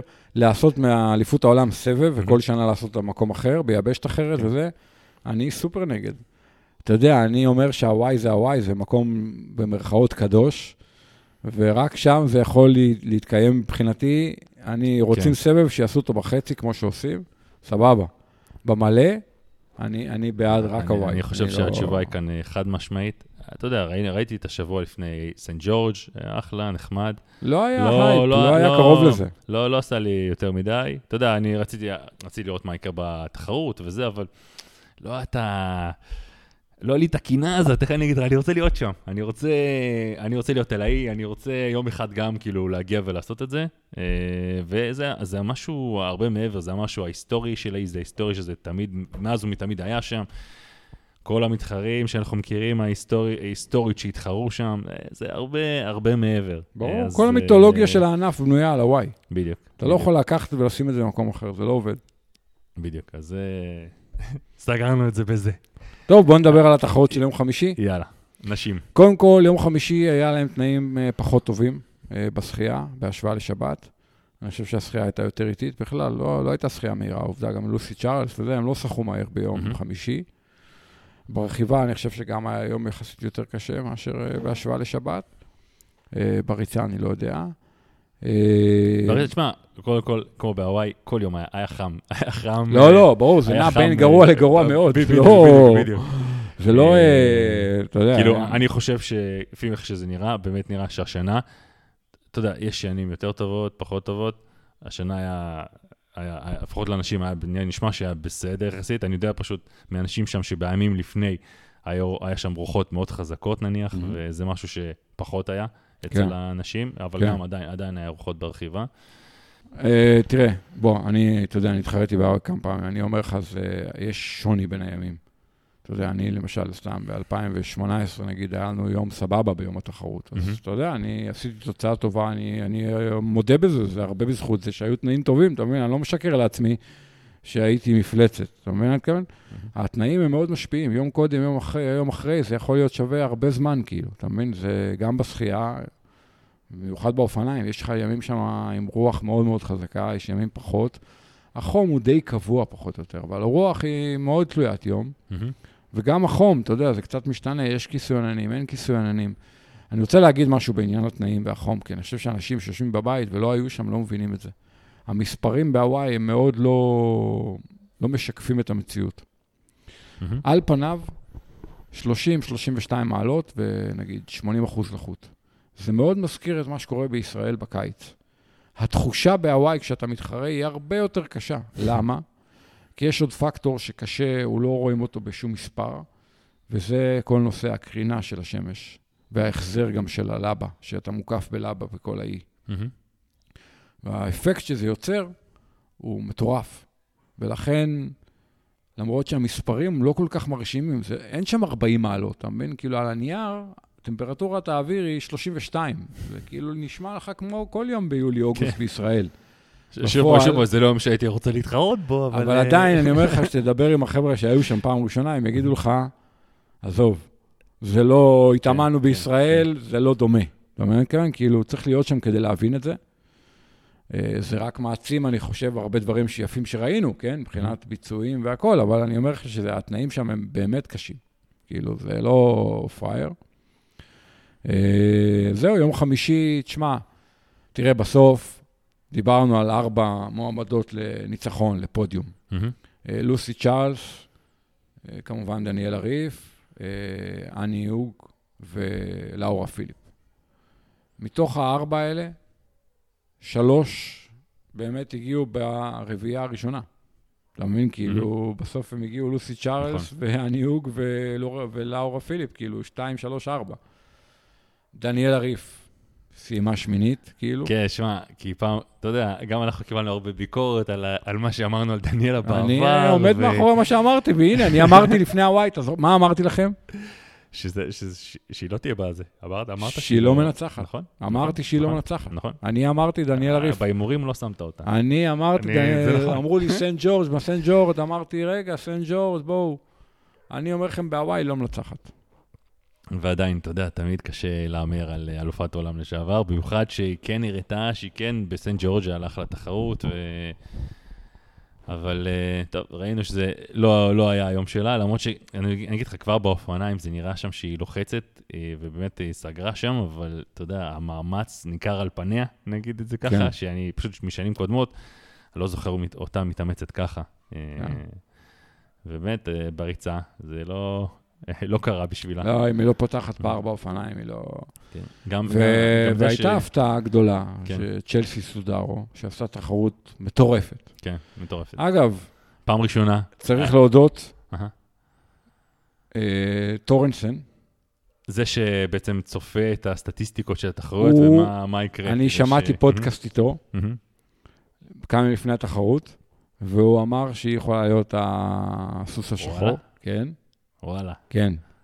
בחיים לא הייתי מהמר עליה. הוא בחיים. אמר, אני אומר לך, אני שמעתי פודקאסט כאילו? איתו, כן. וגם אני מה, חושב ש... מהאקסלים, מהאקסלים, מהניתוחים? לא, לא, בניתוחים אם לא הייתה זה, אבל שאלו אותו על סוס שחור, הוא אהה, אמר הוא אה, אמר את צ'לסי השם? סודרו, כן. וואו. ונדמה לי שגם ארז הימר עליה, לא? כן. כשבזה, הוא אמר שהיא גם תהיה פקטור. אה, אני לא לקחתי אותו בחשבון, אני כן, מודה. כן. גם, גם, אה, תשמע, בוא נגיד תכלס, לקחת מישהי שפעם ראשונה מתחרה בתחרות הזאת, נכון. ולדרג אותה בפודיום, הרי ראינו, אתה יודע, אם מסתכלים על העבר, זה בחיים, לא, לא ראינו את זה אף פעם קורה, בדרך כלל מי שמגיע פעם ראשונה הוא מתפרק, או זה לא, לא נגמר טוב, ב top, להיות ב top five זה לא... אתה יודע לא כמה אופציה. שנים היא טריאטלטית? ארבע שנים, משהו כזה. מדהים. היא הייתה רצה, מעולה, ניסתה להגיע לאולימפיאדה בעשרת אלפים וכאלה. ואז היא נפצעה וזה, והתחילה לשחות ולרכוב, ואיכשהו התגלגלה לטריאטלון, ראתה שהיא גם די טובה בזה. והיא לא, אין לה הרבה תחרויות איש ברזל ברגליים. גם, גם, גם היא אימא, כאילו, וואלה. זה גם סיפור מעניין, כי אימא שעברה לא מזמן דיכאון אחרי לידה. והיא התאוששה ממנו נכון. ושיתפה את זה וזה, וזה מאוד יפה. ו... ותשמע, באה ועשתה תחרות מדהימה, אין, אתה יודע, אין, אין מה להגיד, אתה יודע, להסיר את הכובע, באמת, כאילו, נכון, נכון. עשתה תחרות בעיניי מאוד כאילו יפה, הפתיע את ספליטים כולם, את מטורפים. כולם, חבל, חבל על הזמן. ממש. שאני רק אומר מה זה אומר על, ה, על העתיד. אה, שמע, לוסי אה, סיימה שנייה. כן. אה, פעם רביעית. כן. הרבה, הרבה ישראלים אוהבים את לוסי, גם אני יודע, הרבה עוקבים אחריה. האמת, אותי זה לא הפתיע, הפתיע אותי שהיא סיימה שנייה. כי אתה יודע, היה את כל השנה הזאת עם הפציעה. אני בהימורים שמתי אותה שלישית. נכון. שמתי את לאורה פיליפ ראשונה, לוסי שלישית, והניהוג שלישית. אה, יכול להיות את הניוג סנטוש. הניהוג שנייה, או לא זוכר. משהו כזה. כן. אה, אבל אה, האמת שהפתיע אותי, באמת, אה, איכשהו חשבתי שבגלל כל הפציעה הזאת, אתה יודע, זה גם, הרבה- יש פה חלק מנטלי מאוד גדול. אה, אני לא חשבתי שהיא תצליח, אבל וואלה, אתה יודע, אני חושב שמקום שני בשבילה, אחרי כל מה שהיא עברה בשנה הזאת, יותר משנה, אה, זה מדהים. ממש אה, תוצאה... אני, אני חשבתי שהיא תהיה בסדר, כי אני חושב שהיא כן הספיקה להתאמן כמה חודשים די טוב, מהמם. ואני אומר לך ששנה הבאה היא וקייט מתיוס, זה קרב קרב, כאילו. קייט כן. מתיוס ש... שהיה לה תאונה ממש קצת לפני התחרות, שהיא מהמם. לדעתי אחרת הייתה גם בתוך המתערבבת שם גבוה. על פניו, אני חושב ששנה הבאה לוסי צ'ארלס, יהיה קשה מאוד לנצח אותה. כן, אני, זה בטוח. אתה יודע, בטח, אתה יודע, פעם חמישית היא תחזור ו... אני לא מאמין שצ'לסי סודרו מנצחת שנה הבאה. אה, למרות ש... אתה יודע, יכול להיות שעם מה, שאנחנו רואים שקורה, יש מצב שתבוא עם מישהי חדשה ותעשה גם את יכול. להיות, גם יכול להיות, כן. אה, אז בקטע הזה, וואו, אני חושב באמת, הייתה תחרות מדהימה. אה, בישראל... בישראליות גם, אתה יודע, בדרך כלל אנשים כועסים עלינו שאנחנו לא מזכירים אה, שמות. אני נזהר נורא, כי אה, אתה שוכח כי אתה מישהו שוכח, וזה, אבל, ומישהו אה, נעלב. הפעם, אתה יודע, אני אומר אה, אליפות העולם, וזה, אני אזכיר את האישה לא הראשונה תספיק והגבר להספיק, הראשון. לא, לא, אני אה, כן, הפעם. אה, אז הדס מזר באמת הייתה הראשונה בנשים, אה, ישראליות, 11.04, אה, שזה גם, אה, עשתה, אני חושב, תחרות אה, מצוינת. מאוד אה, יפה. מאוד תוצאה יפה. מאוד יפה. מאוד. יפה, תוצאה מאוד יפה. אז אה, בוא עכשיו... זה היה יום חמישי, זה היה יום חמישי. ואחרי זה היה את שבת, יומיים כן. אחרי זה, ושם התחרו באמת הגברים מקצוענים. אה, שמע, אפשר לדבר על התחרות של הגברים המקצוענים הרבה בוא, זמן. לפני לפני התחרות בוא נדבר על ההימורים שלנו. ההימורים שלנו. אה, אני אמרתי שסנדרס לא בכיוון, לא פוגע, לא קרוב. אני אני- אני גם אמרתי שהוא לא, אמרתי שהוא לא מסיים בעשירייה, גם. אה, כן, כן. אני לא, לא, לא שמתי. אתה, אתה לא שמת את בלומנפלד ראשון, אני לא, שמתי לא אותו ראשון כי אמרתי לא שמתי שהוא לא ראשון. לא, ממש לא שמתי אותו ראשון. נדמה לי שלא שמתי אותו בכלל בעשירייה או משהו כזה. אה, אה, עידן שמתי אותו כן, בעשירייה, אבל לא, לא שמתי אצלי אותו ראשון. היה השלישי. כן, אני הימרתי על דיטלב, כן. על אה, כן. מגנוס דיטלב. מגנוס דיטלב. אה, טעיתי, אבל הוא סיים שביעי לדעתי, אבל, אה, אבל גם היום אני אומר, זה לא היה הימור כך גרוע. אתה מבין? כן, הבן אדם הוא חייזר. אני חושב שהוא כן הפך שם את התחרות, הוא כן עשה מהלכים בתחרות הזאת, והוא כן, אה, כן עשה אימפקט על התחרות עצמה, שאנחנו נדבר על זה עוד מעט. כן. רגע, היה לנו עוד קטגוריה בהימורים, סוס שחור, שכל אחד יכול להמר. אני לא זוכר מה אני אמרתי, אה, וואי, לא זוכר. אני זוכר מה אני אמרתי, מה אמרת? סם ליידלו. ליידלו, כן. שמע, אה, וואו, הבן אדם, שמע, שיחק אותה. באמת שיחק אותה. קודם כל, צריך להגיד, אה, היה, נתחיל מהשחייה, קודם כל השחייה ביום הזה, נראה שהמים, לפחות בהתחלה, היו הרבה יותר רגועים. נראה דווקא שבקבוצות גיל היה מתחיל אה, לעלות. ברכיבה, לפחות ממה שאומרים, זה, עוד פעם, כל היום עצמו, לפי לפחות מה שנאמר מסביב, היה מאוד לח, מאוד חם, כמו כל יום בקונה, מהמם. אבל מבחינת רוח, נשמע שהיה באמת משהו יחסית אופטימלי, וכמעט ולא היה רוח ברכיבה עצמה. לא, שמעתי גם את סייד ליידלו אומר את זה, וגם, אתה יודע, עוד אה, שמעתי פודקאסטים ורעיונות עם אה, קינלה, ואתה יודע, קינלה נגיד אה, התראיין יום אחרי עם המאמן של הנורבגים, אז קינלה אומר, חבר'ה, היה יום מדהים מבחינת אה, תנאים וזה, כולנו עשינו ארבע וקצת, כי כן, התנאים היו לטובתנו, כאילו, קינלה מודה בזה, הוא התחרה בהוואי כל כך הרבה פעמים, הוא יודע להשוות. כן, אה, אה, אז אה, מה שהיה, קודם כל, אז בשחייה עצמה, אה, ראינו את אה, סם ליידלו כבר, הוא, אני חושב, הוא הוביל את השחייה בשלב מסוים. לא ראינו פה קבוצת בריחה, כמו שבדרך כלל יש, אה, מנסים להתנתק. זה היה גרוע מאוד. העובדה כן. שהשחיינים הטובים, שאני אמרתי לכם, פלוריאן אנגרט יהיה מקדימה בשחייה, והוא באמת היה מקדימה בשחייה. כן. אם הוא וליידלו וג'וש אמברגר וזה היו עושים מהלך בשחייה, כמו שקרה בסנט ג'ורג', מהמם. זה היה יכול לשנות את כל התחרות. בסנט ג'ורג' הרי היו כמה שחיינים טובים שברחו קדימה. ואז, אתה יודע, בלומנפלד וכל אלה היו צריכים לרדוף אחריהם כל הרכיבה. פה זה לא קרה, הם פשוט שיחקו להם לידיים. היו נכון. 20 איש אה, ששחקו אה, ביחד. הם מספרים שהם ישבו שם בדבוקה, בסבבה, אה, גוסטב שם אומר שהוא יושב בשלבים מסוימים שהיה לו כי קל. כשאתה שוחה בתוך ערימה של 20 איש, זה יחסית לא קשה, הם לא נכון. הצליחו לברוח להם בהתחלה, וזה שינה את כל הדינמיקה של התחרות. נכון, ועדיין ליידלו היה, הוביל די הרבה בשחייה, הוא- אני חושב הוא כן יצא ראשון בתחילת המדרגות, אבל פלוריאן אנגרד שם נתן לו איזו עקיפה בשנייה האחרונה. שמע, וראינו פה משהו שאני לא זוכר באמת שנה כזאת, שראיתי כל כך הרבה גברים מקצוענים נכנסים, עולים את המדרגות האלה, ועושים את החילוף ויוצאים בבת אחת Mhm. לרכיבה, כן. שזה, אתה יודע, גם העומס הזה. אה, עזוב רגע drafting, כי אתה יודע, פה העקיפה היא סופר אה, ראית דרקונית. כמה פנלטים זרקו מלא, שם וגם באוויר. ידענו, הבנו שזה יהיה מראש ככה, שהם הולכים לפרק שם בפנלטי. אה, אבל אתה יודע, זה לא, זה לא נראה טוב, כאילו, זה לא נראה טוב שהם כל כך הרבה, ואתה יודע, בסופו של דבר נוצר מצב שאתה לא יכול באמת לעשות מה שאתה אולי שווה, אה, בגלל הטקטיקה, בגלל כל הדברים האלה, אז אם איכשהו, איכשהו כן היה אפשר לרווח את זה, אז אה, שמע, מקצוענים, תזניק אותם כל שתי דקות בן אדם. כן, אה? באמת, תעשה הגרלה, תזניק אותם כל שתי דקות תשמע. גם ככה במקצוענים זו תחרות שונה לגמרי, הרי. אגב, אה, תחרות שונה לגמרי, אני גם רוצה להגיד משהו. אתה אמרת את זה עוד בפודקאסטים קודמים, למקצוענים יש אה, תחנות תזונה אה, שונות. כן. עוד אה, תחנות עוד, זמן. עוד תחנות תזונה, וגם כן. בהתחלה ראינו אותם, אפשר לראות, היה מין שידור כזה לפני, לפני תחילת התחרות, שממש מפקידים. הם מפקידים שם את כן. הציוד. ואגב, הבנתי שכנראה כל אחד מפקיד מין שקית עם כל מה שהוא צריך, והם איכשהו מפזרים לו את זה בין התחנות כנראה. אה, ראיתי את בלומנפלד מפקיד שם איזה עשר בקבוקים של לא יודע מה. כן. אז עוד פעם, זו תחרות אחרת לגמרי, אתה יודע, גם עצם העובדה שיש להם גישה אה, לתזונה שלהם, בוא נגיד, אה, בכזו מהירות, שאף אחד לא צריך להביא לך את זה, יש לך גם שולחנות מיוחדים, כן. זה גם עוד... אה, אני בריצה בהוואי, רואה מרחוק תחנת תזונה, אני אומר, איזה כיף, יש תחנת תזונה. ואז אני מתקרב, אני אומר, אוי, שיט, זה פרו-אונלי, זה פה. פרו-אונלי, אייסיישן, אני אומר, כל סמק, בוא'נה, אני לוקח ל- לפרודנו את הבקבוק, שיסתדר, מה? אתה יודע, אבל אני כמובן לא לוקח, כן, הם גם לא כן. נותנים לך לקחת. אבל אתה יודע, זה מבאס להגיע לתחנת תזונה ו- ולראות ש... כן. אה, שאתה לא יכול לקחת, כאילו, כי זה רק למקצוענים. נכון. אז, אז מה שאתה אומר, אם, אם תזנ- תזניק אותנו גם שתי דקות עכשיו, זה בכלל תחרות אחרת לגמרי. אה, אבל גם, כאילו, איך אתה משווה את הזמן, כאילו...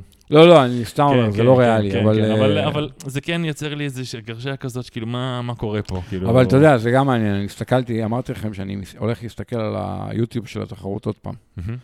אני רוצה לנתח בדיעבד את המהלך שהכריע את התחרות. אמרתי לכם איפה הוא קרה. המהלך שהם רכבו בשיירה מאוד מאוד גדולה. אוקיי?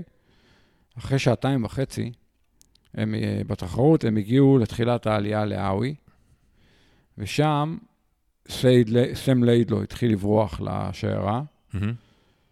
דיטלב אה, גישר אליו, ואז מקס ניומן, אה, אידן ובלומלפלד גישרו לשניהם. מהמם. וכל השאר השיירה לא הצליחו לגשר את הפער הזה. הם החליטו כאילו, כן. אני לא יודע אם לא ניסו או לא החליטו או לא, אתה יודע, או דונול וכל אלה שהיו שם בשיירה הזאת, שם הם ברחו להם. הם הגיעו לאווי למעלה, היה כבר פער של איזה דקה ומשהו, וזהו. מאותו רגע הפער הלך ונפתח. שם היה המהלך. כן. הסתכלתי על זה לפני איזה יום, יומיים, כי אמרתי לכם שאני רוצה לראות את זה, כי זה מעניין אותי בדיעבד להסתכל על זה. אהה. המהלך הזה, שגוסטה וידן ובלומלפלד גישרו לדיטלב וניומן ו... וליידלו, זה היה המהלך שהכריע את התחרות, ואז נוצרה החמישייה הזאת, שאחר כך גם סם ליידלו ברח להם, אבל הם היו חמישייה שכבר היו אבל אז מקדימה. אני אומר, אתה יודע, זה, זה ממש הפתיע אותי, כי אמרתי, טוב, מאחורה הרי יש את הדבוקה, הדבוקה הרודפת, אה, נקרא לזה, כן. עם סנדרס, אה, וורף וכל דבוקה. שלוש, כן. ואתה רואה את הספליטים ביניהם, אתה, אתה מצפה שהם יצמצמו, זה בדרך כלל מה שקורה, הם אה, דוחפים יותר חזק, הם בדרך כלל מצמצמים. פה הפער פשוט לא לא השתנה. צמצמו, נכון. ובשלב מסוים הפער התחיל אפילו לנוע לכיוון אה, סם ליידלו והחבר'ה המובילים. אתה יודע, אני אומר לעצמי, אתה אתה רוכב לבד, איך, איך, איך הוא עושה את זה? איך הוא נותן כזה פער? באיזשלב הוא ברח זה כמובן, הוא כן, בר- לרביעייה. כן, ברח. אגב, לומנפלד ואידל מודים שהם לא פחדו מליידלו וגם לא מניומן, הם פחדו מדיטלב. כן, כן, כאילו, אז זה, זה סימנו גם מה שאמרו. הם גם אמרו לך בראיונות אחרי זה, שהם פשוט שחררו, הם לא חשבו שללידלו יש איזשהו סיכוי, חשבו שהוא יתפרק, הם פשוט שחררו אותו. אה, בגלל זה אני חושב גם אה, בירידה לרכיבה, אה, גוסטב שאל מה הפער, ואמרו לו ארבע וחצי דקות, אז הוא כזה, אה, אה, כאילו, אוקיי, כאילו, אנחנו נתפור אותו, הוא יתפרק, כולם היו בטוחים שהוא יתפרק. כן. וזהו, אבל בואו נגיד, לפני שממשיכים, אוקיי, כבר ברכיבה הבנו שסנדרס לא בתמונה, אתה יודע שזה אחד ה... אבל אמרנו את זה מראש. כן. אה, גם וורף לא הספיק לצמצם. שיא מסלול, 404. באופניים. באופניים, כן. שזה אה, מטורף. ממישהו שכאילו, אתה יודע, דיברנו על אה, ספורטאים שהם פרו, ואתה יודע, איך איך מתחרים הרבה ויש תחרויות טובות, פחות טובות. שמע, היה תחרות של ה- של ה- של ה-PTO, אני חושב לא מזמן שהוא התפרק שם, הוא הגיע אחרון, דעתי, הוא לא... כן. אז, אה, שכמעט היה מכות שם עם סם לונג, ו... כן. הגיע אחרון, ואתה יודע, הרבה יכול להיות הספידו אותו, ואמרו, יש לו גם פה גדול כזה גם, ו... כן, כן. הרבה, הרבה הספידו אותו, והנה, אתה יודע, הוא בא ונתן אה, כזה עזוב, הוא ביצוע. נתן שואו, פירק את התחרות. כן, באמת, כן, אני אומר כן, לך, כן. וואו, להוריד את הכובע בפניו, מה שהוא עשה שם, שמע, זה מטורף. ואז uh, מגיעים לריצה. שמע, הוא יורד לריצה, ואני בטוח, בדרך כלל אנחנו הרבה פעמים רואים שמישהו יורד לריצה, אתה ישר רואה כבר בחילוף איך, איך הוא רץ, כמה כן. גבוה מרים את הרגליים. תקשיב, הוא נראה טוב. כן? מסיים ב-4.04, נראה כאילו הוא לא... שמע, הוא רץ שעתיים 44. בוא, פרודנו ב-2019, לדעתי רץ 2.43. ועשה 8 7.51 וניצח את התחרות בפער. נכון. אתה מבין? כאילו, הוא רץ מאוד יפה. אז uh, אתה יודע, הוא פתח כבר מההתחלה, הוא נראה טוב, אבל עדיין, אתה, זוכר את ההיסטוריה, ואתה יודע שהם תמיד איכשהו מתפרקים uh, אחרי שמונה קילומטר, או משהו כזה. כן. Uh, ואז ישר הגיעו גלום גוסטה ובלומנפלד, ועוד בחור, גם הבחור צעיר, מקס ניומן. כן. Uh, וגם היה שם, כן. גם היה שם קטע ממש מעניין, שאתה רואה, גוסטה ובלום, ובלומנפלד רצו ביחד, ואז אתה רואה את המקס ניומן הזה, פתאום עוקף אותם. בהתחלה, שזה גם משהו כן. שאתה יודע, אני אומר לעצמי, גם כספורטאי... מה אתה עושה? מה אתה עושה? מה- מה מה עובר לך בראש? נכון. כאילו, תשמע, אני אומר, יש לו ביצים, אתה יודע, איך... אה, כן. והוא עקף אותם, והוא היה ממש זמן מסוים שהוא החזיק את ה... כאילו, היה- לפניהם. ואני אומר לעצמי, אתה יודע, עזוב, הרי הרכבת הנורבגית, החבר'ה הנורבגים האלה, בנו מסביבה, מסביבה משהו כל כך, כאילו, באיזשהו מקום זה גם מרתיע. מיתוס. אה, נכון. כן, כן, כאילו, ואתה בא ואתה עוקף אותם, כאילו, אתה חושב שיש לך סיכוי. אה, אז וואלה, ממש ממש אהבתי לראות את זה. שהוא כאילו לא סופר אותם, והוא פשוט ממשיך אה, בשלו. בסוף גם, אני חושב, עושה תחרות מדהימה. מדהימה. מדהימה. אבל- אחרי אה, 36 קילומטר, גוסטב אה, תופס את, אה, אה, תופס את ליידלו, כן.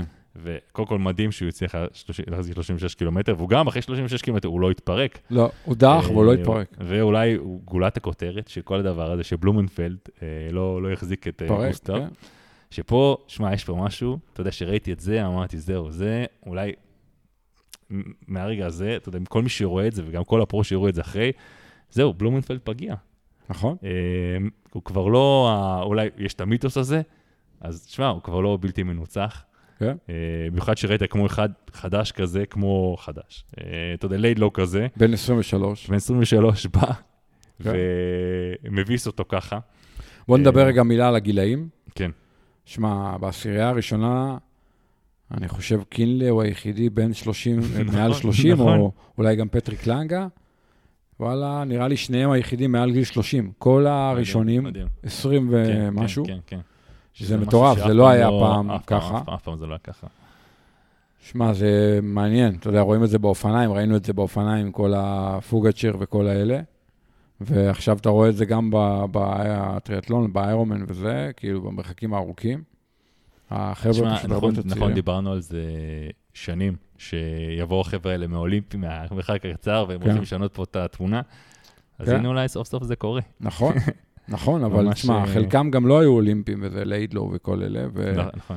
ושמע, זה מאוד יפה גם לראות את הגילאים, כאילו, ומצד שני, החבר'ה המבוגרים כבר לא רלוונטיים, אתה יודע, קינלי עשה תחרות מדהימה, סיים שישי. וואו, בוא בוא נדבר על זה, בוא נדבר על קינלה, שזה משהו, אתה יודע, כולנו תמיד, ההימור שמע, שלנו קינלי, אנחנו מהלב. משוחדים, אנחנו כן. הכי אוהבים אותו, זה נכון, בעיה, נכון. כן, ספורטאי הכי כנה, הכי... הוא גם היה אלוף עולם מ-2014, נראה לי. כן, כן. אה, פעמיים אלוף עולם בחצי. כן, אה, שמע, אבל בשנים האחרונות לא הולך לו, ואתה יודע, אנחנו אוהבים אותו, זה מבאס, והוא כבר אמר, הוא אמור לפרוש שנה הבאה. אני שמתי אותו בעשירייה שלי בהימורים. נכון, אני בחיים, בחיים, עוד, אתה יודע, אני אגיד לך משהו, לא יפה.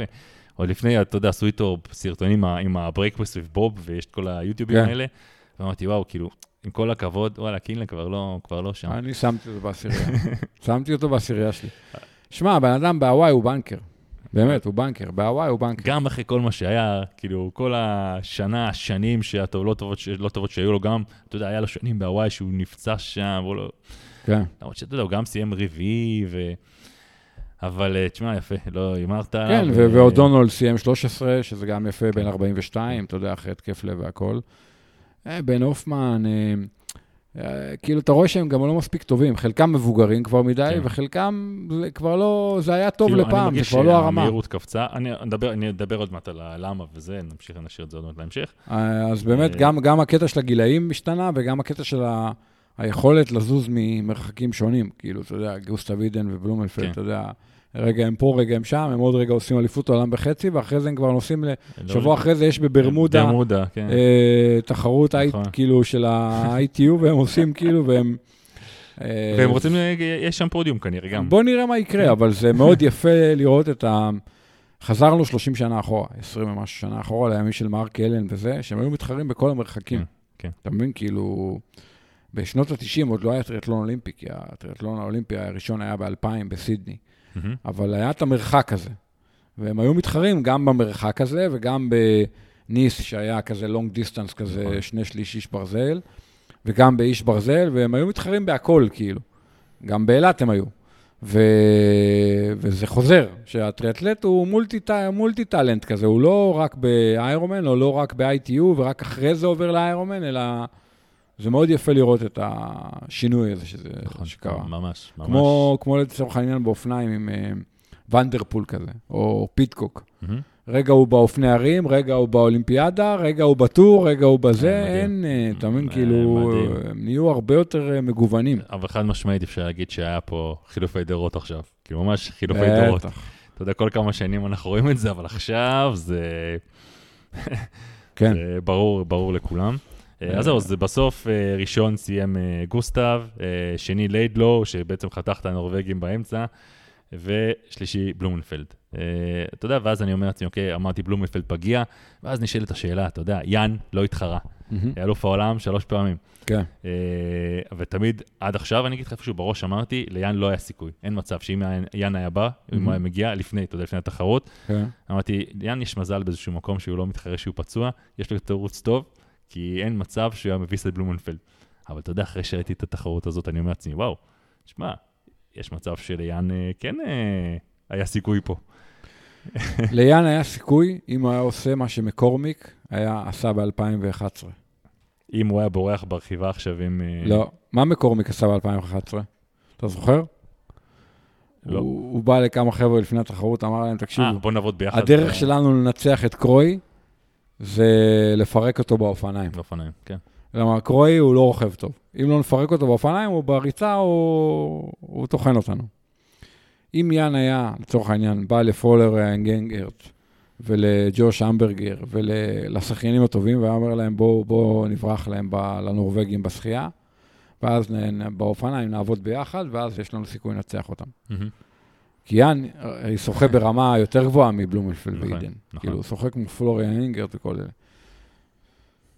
בקרב ריצה, יאן לא מנצח את הנורבגים. לא. הוא צריך לרדת לריצה לפניהם. אתה מבין? כן? בדיוק. יאן רץ בהוואי, 2.43 דעתי, נכון, הוא היה עם, אני לא יודע אם היה נעלי קרבון, לא נעלי קרבון. הוא היה עם אסיקס ה prototype, לא, אני חושב שהוא כבר עד 2.39, לא? 2.40. בהוואי לא. לא לא- לא לא- חושב לא שהוא רץ יותר 2.40? מ-2.43, לא חושב. אוקיי. נדמה לי שלא. אז, זהו, היאן רץ עם ה prototype הראשון של האסיקס. של האסיקס 2019, שאנחנו- השחורות. 2019, שזה- האסיקס שאנחנו רואים עכשיו. אני חושב שזה האסיקס שרואים עכשיו אצל רוב ה pro. אני לא יודע. אני לא יודע אם זה אותו, לא. כנראה זה משהו יותר משוכלל עכשיו, אז זה באמת היה... שורה תחתונה, כן. אני חושב שיאן קרב ריצה איתם לא כל כך טוב לו, אבל. הוא יכול לרדת לריצה לפניהם. כי כן, יאן כן. ורוכב. אז יש- כאן תחרות, יש כאן תחרות. אני, אני, אה, מה שאני בעצם אומר זה שקשה להשוות אה, שנים בגלל התנאים. מהמם. אני חושב שה-751 של יאן הוא ביצוע לא פחות טוב מה-740 הזה של... אה. או מאוד קרוב לפחות. מהשבע, אתה מבין? תגיד, כן? אתה מאמין שעשו 7.40 בהוואי?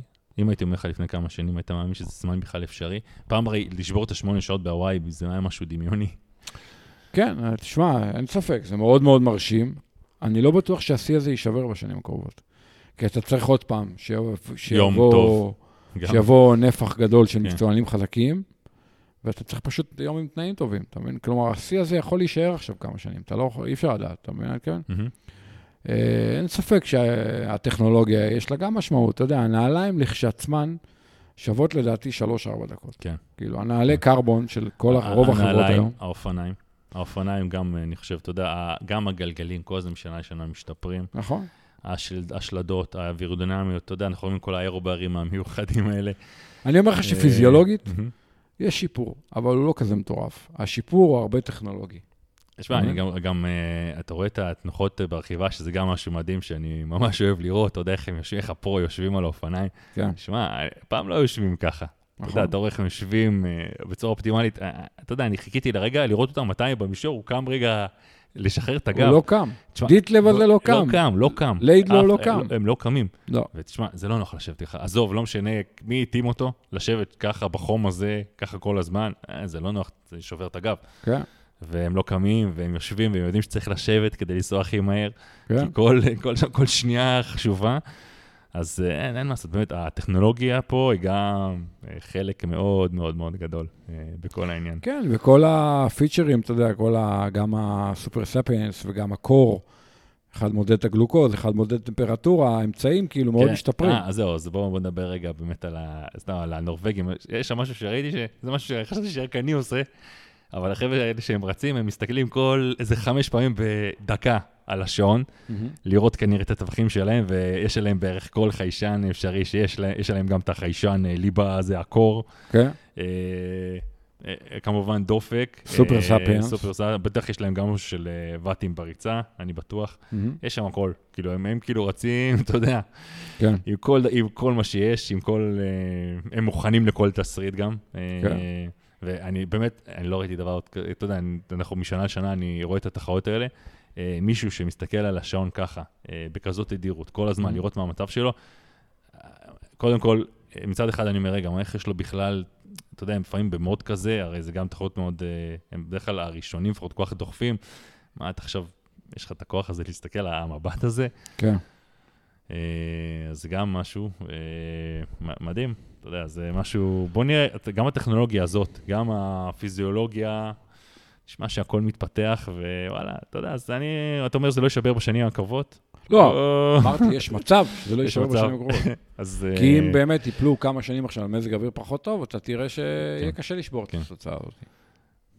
אה, טוב, והיה לנו גם את הישראלים, שגם, שמע, בישראלים הייתה קפיצה, כאילו, אני חושב שהקפיצה במספר הישראלים שירדו את הסאב 10, שאני חושב שהיו איזה שמונה אנשים כאלה, קודם כל, היו הרבה יותר ישראלים. היה קודם, כן. כאילו, עוד פעם, דיברנו כבר... עד השנה היו הכי הרבה ישראלים, לדעתי שמונה או עשרה, פעם הכי הרבה כאילו. עכשיו היו, לא יודע, 30? לא יודע כמה, היו. לא ספרתי, אבל כן, היו הרבה. כן, היה, הרבה, היה הרבה. ועדיין לא משנה כמה יש, אה, אתה יודע, כן, לרדת את העשר שעות בהוואי, אני חושב שזה מכובד. זה, אוקיי, זה תוצאות שכן כבר ראינו לפני, אה, אבל עדיין, זה לא פשוט, ואני אציין אה, במיוחד את הישראלי הראשון, אה, ירדן אה, ברק. מהמם. אגב, אנקדוטה מעניינת, אה, לפני איזה 12 שנה בטכניון, היינו ביחד באיזה נבחרת אקוואטלון. אה, תשמע, הוא השתפר הרבה מאז. אה, למרות שהוא גם מגיל צעיר, הוא מאוד, אה, הוא גם תמיד היה טרטלט צעיר, בטוח אה, יש הרבה שמכירים אותו. אה, אני חושב, אה, תוצאה מדהימה, מאוד קרובה לזו של גלעד. אה, לפני, אני כבר לא זוכר באיזה שנה זה היה, אה, גלעד איתך שם בטח, פעם, שלוש. 2010, 9, אני 10, חושב- 11. אני חושב שאתה היית איתו שם בשנה הזאת. לא? ב-2010 אני הייתי איתו, לא זוכר כמה הוא עשה. כן. אז אה, באמת, ירדן שיחק אותה, וגם הרבה ישראלים אחרים. שם. אני חושב שסאב 10 שם זה סופר מרשים. ועכשיו אני אשאל את השאלה הבאה. אה, קודם כל, אנחנו כן רואים את השיפור בישראלים, מהמם. ואז אני מסתכל על התוצאות אה, שלנו, של הישראלים, ואני משווה רגע, אני מסתכל על הדירוג בקטגוריה, אני מסתכל מה, אה, איפה אנחנו נמצאים. מהמם. ואני רואה עדיין, כאילו, אתה יודע, ציפיתי שאנחנו נצמצם את עצמנו לכיוון המספרים הראשונים, אבל לא, זה לא נראה ככה, זה נראה שכאילו, אני אגיד לך תכלס, נראה שהתרחקנו קצת. אה, אה, תראה, צריך להיזהר, אני אגיד לך למה. קודם כל, היו יותר משתתפים.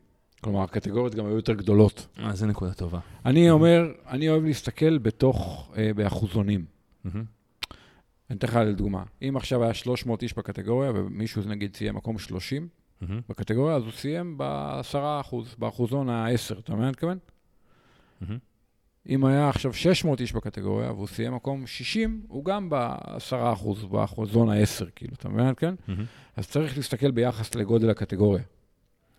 זה כמובן יותר נכון בקטגוריות הגדולות, כי בקטגוריות הקטנות, לפעמים, אתה יודע, זה מספרים קטנים, קשה לעשות סטטיסטיקה. מהמם. אבל אני מסתכל כאילו באיזה אחוזון בן אדם סיים, אתה מבין? גם כשאני מתחרה בהוואי, אני מסתכל באיזה אחוזון סיימתי בקבוצת גיל שלי, מהמם. ואז הוא נותן לי עוד איזושהי אינדיקציה איך היה הביצוע שלי, אתה מבין? כי רק התוצאות stand alone זה באמת באמת קשה לזה, כי קשה זה מאוד לראות, מושפע אבל- מה- תשמע, זה מאוד-.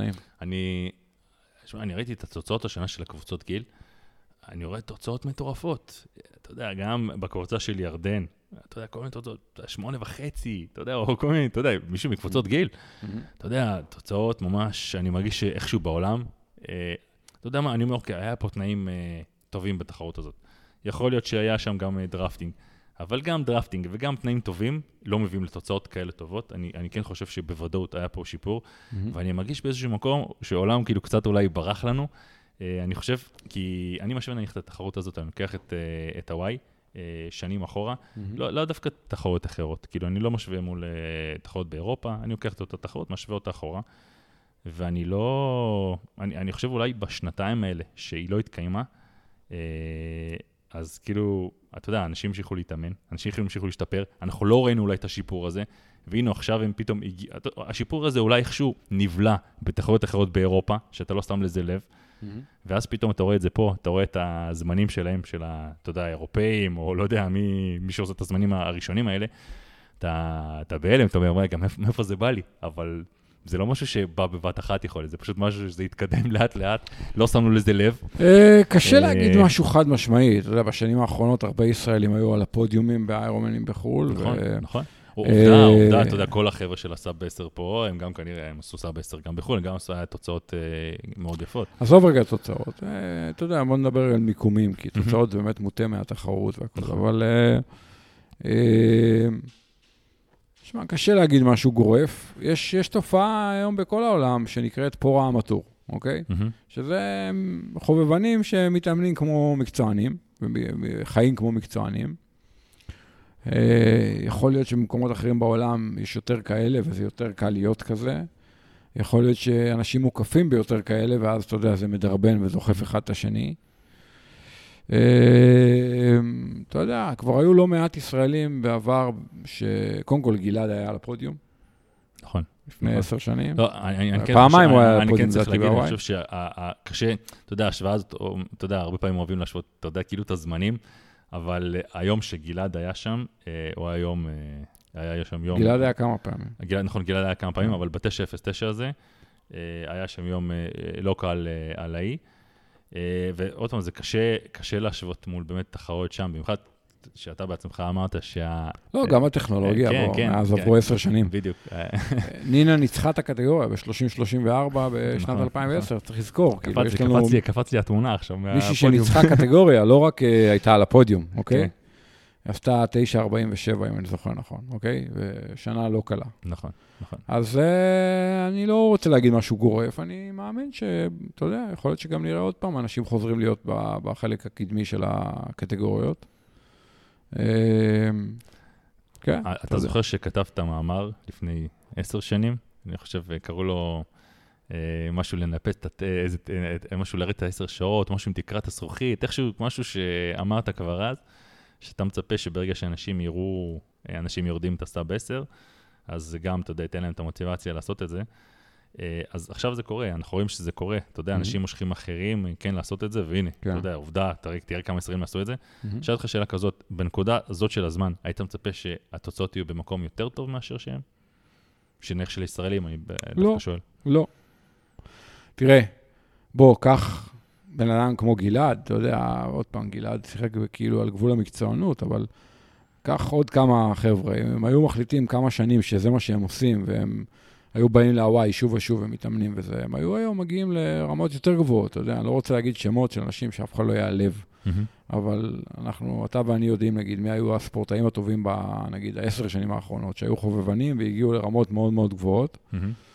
הם פשוט uh, עושים דברים אחרים בחיים, אז אתה יודע, אז... אז כן, אה, כן. גם איכשהו, אתה יודע, תמיד אנחנו רואים את החבר'ה האלה של הפרו-חובבנים בחו"ל, ושאתה מבין, אתה מבין שעובדים נניח בחו"ל הרבה פחות יותר שעות, ויש הרבה, יש הרבה סיבות גם, אה, גם, והרבה, נגיד, זה גם אה, עניין הרבה תרבותי של... נכון, נכון. גם תשתיות, שמע, התשתיות בארץ, התמיכה בארץ. עוד יש פעם, הרבה- אני עדיין אומר, כשאתה מוקף בהרבה אריות, אתה תהיה אריה. אתה מבין? כן, אתה פשוט צריך להיות מוקף באנשים הנכונים, שכל הזמן דוחפים קדימה, כולם. אם הם נשארים כמה שנים, אז אתה... זה הבעיה שאנשים נפלטים, ולא בעיה, אני גם מעריך, מבין את זה ומקבל את זה, אבל... אה,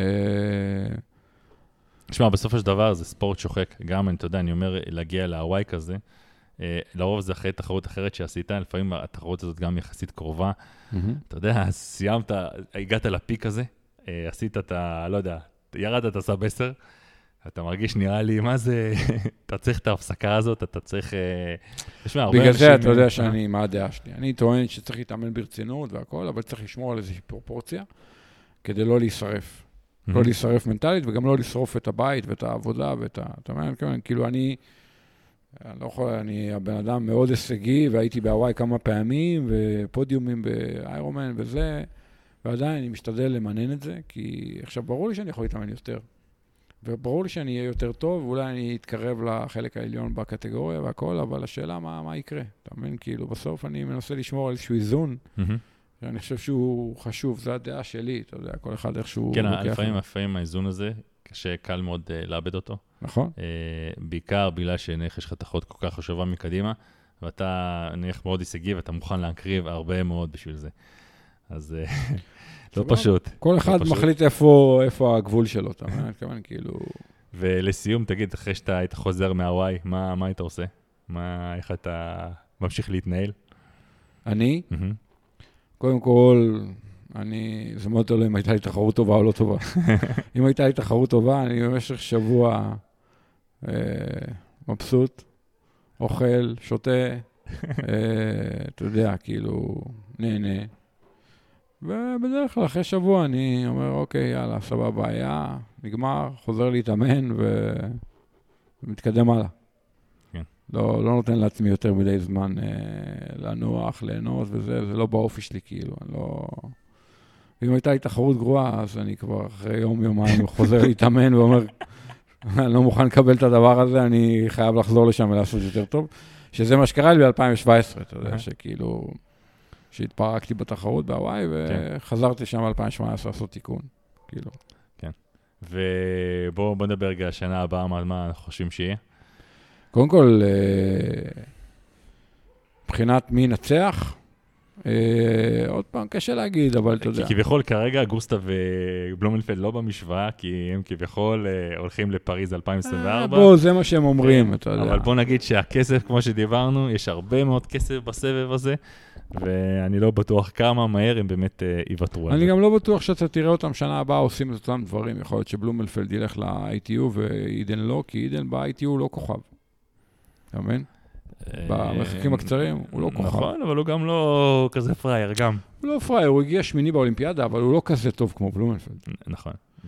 אה, ובנשים, באמת קייט מתיוס ולוסי צ'ארלס, זה ככה, אתה יודע, וגם לאור פיליפ. שמע, אני הימרתי על לאור פיליפ. שמע, היא- כן, מה אור שהיא פיליפ, אני גם, אני חושב. מה שהיא עשתה שכן. בהמבורג השנה, כן, שמע, זה כן. מטורף. כן. זה- לא לא נורמלי, כאילו. אה, אני חושב שבאמת, אנחנו נראה אותה עוד הרבה בעתיד. זה- זה קלף די כן. בטוח, לגמרי. אני חושב. אה, לגבי הישראלים, תשמע, יש שנה בטבריה 75 סלוטים. הערכה שלי, לפחות 40 מהם ילכו לישראלים. עכשיו, תיקח עוד את הישראלים שיעשו סלוט בחו"ל, וואו, שנה הבאה אנחנו נראה לפחות 50 ישראלים לדעתי בוואי. כן, וואו, וואו. יותר. שמע, מטורף. אומר לך יותר, טוב, הספורט מתפתח. לגמרי. כן, ואנחנו נהיה כאן, אה, נמשיך לעקוב. הפעם יצאנו פרק אה, ארוך. אז, הרבה, אה, הרבה על הוואי ועל כן, תחרויות. כן, השנה- כן.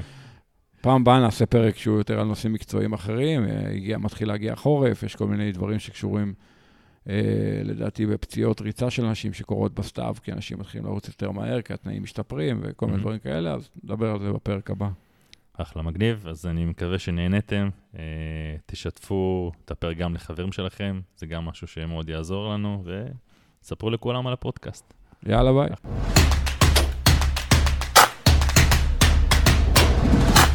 אם נהניתם מהפודקאסט, אנחנו נשמח אם תחלקו אותו עם חברים שלכם, פשוט תשלחו להם את הקישור לאתר שלנו, endurancetalks.com, או תפנו אותם לכל פלטפורמת פודקאסטים קיימת, אייטיונס, ספוטיפיי וכולי.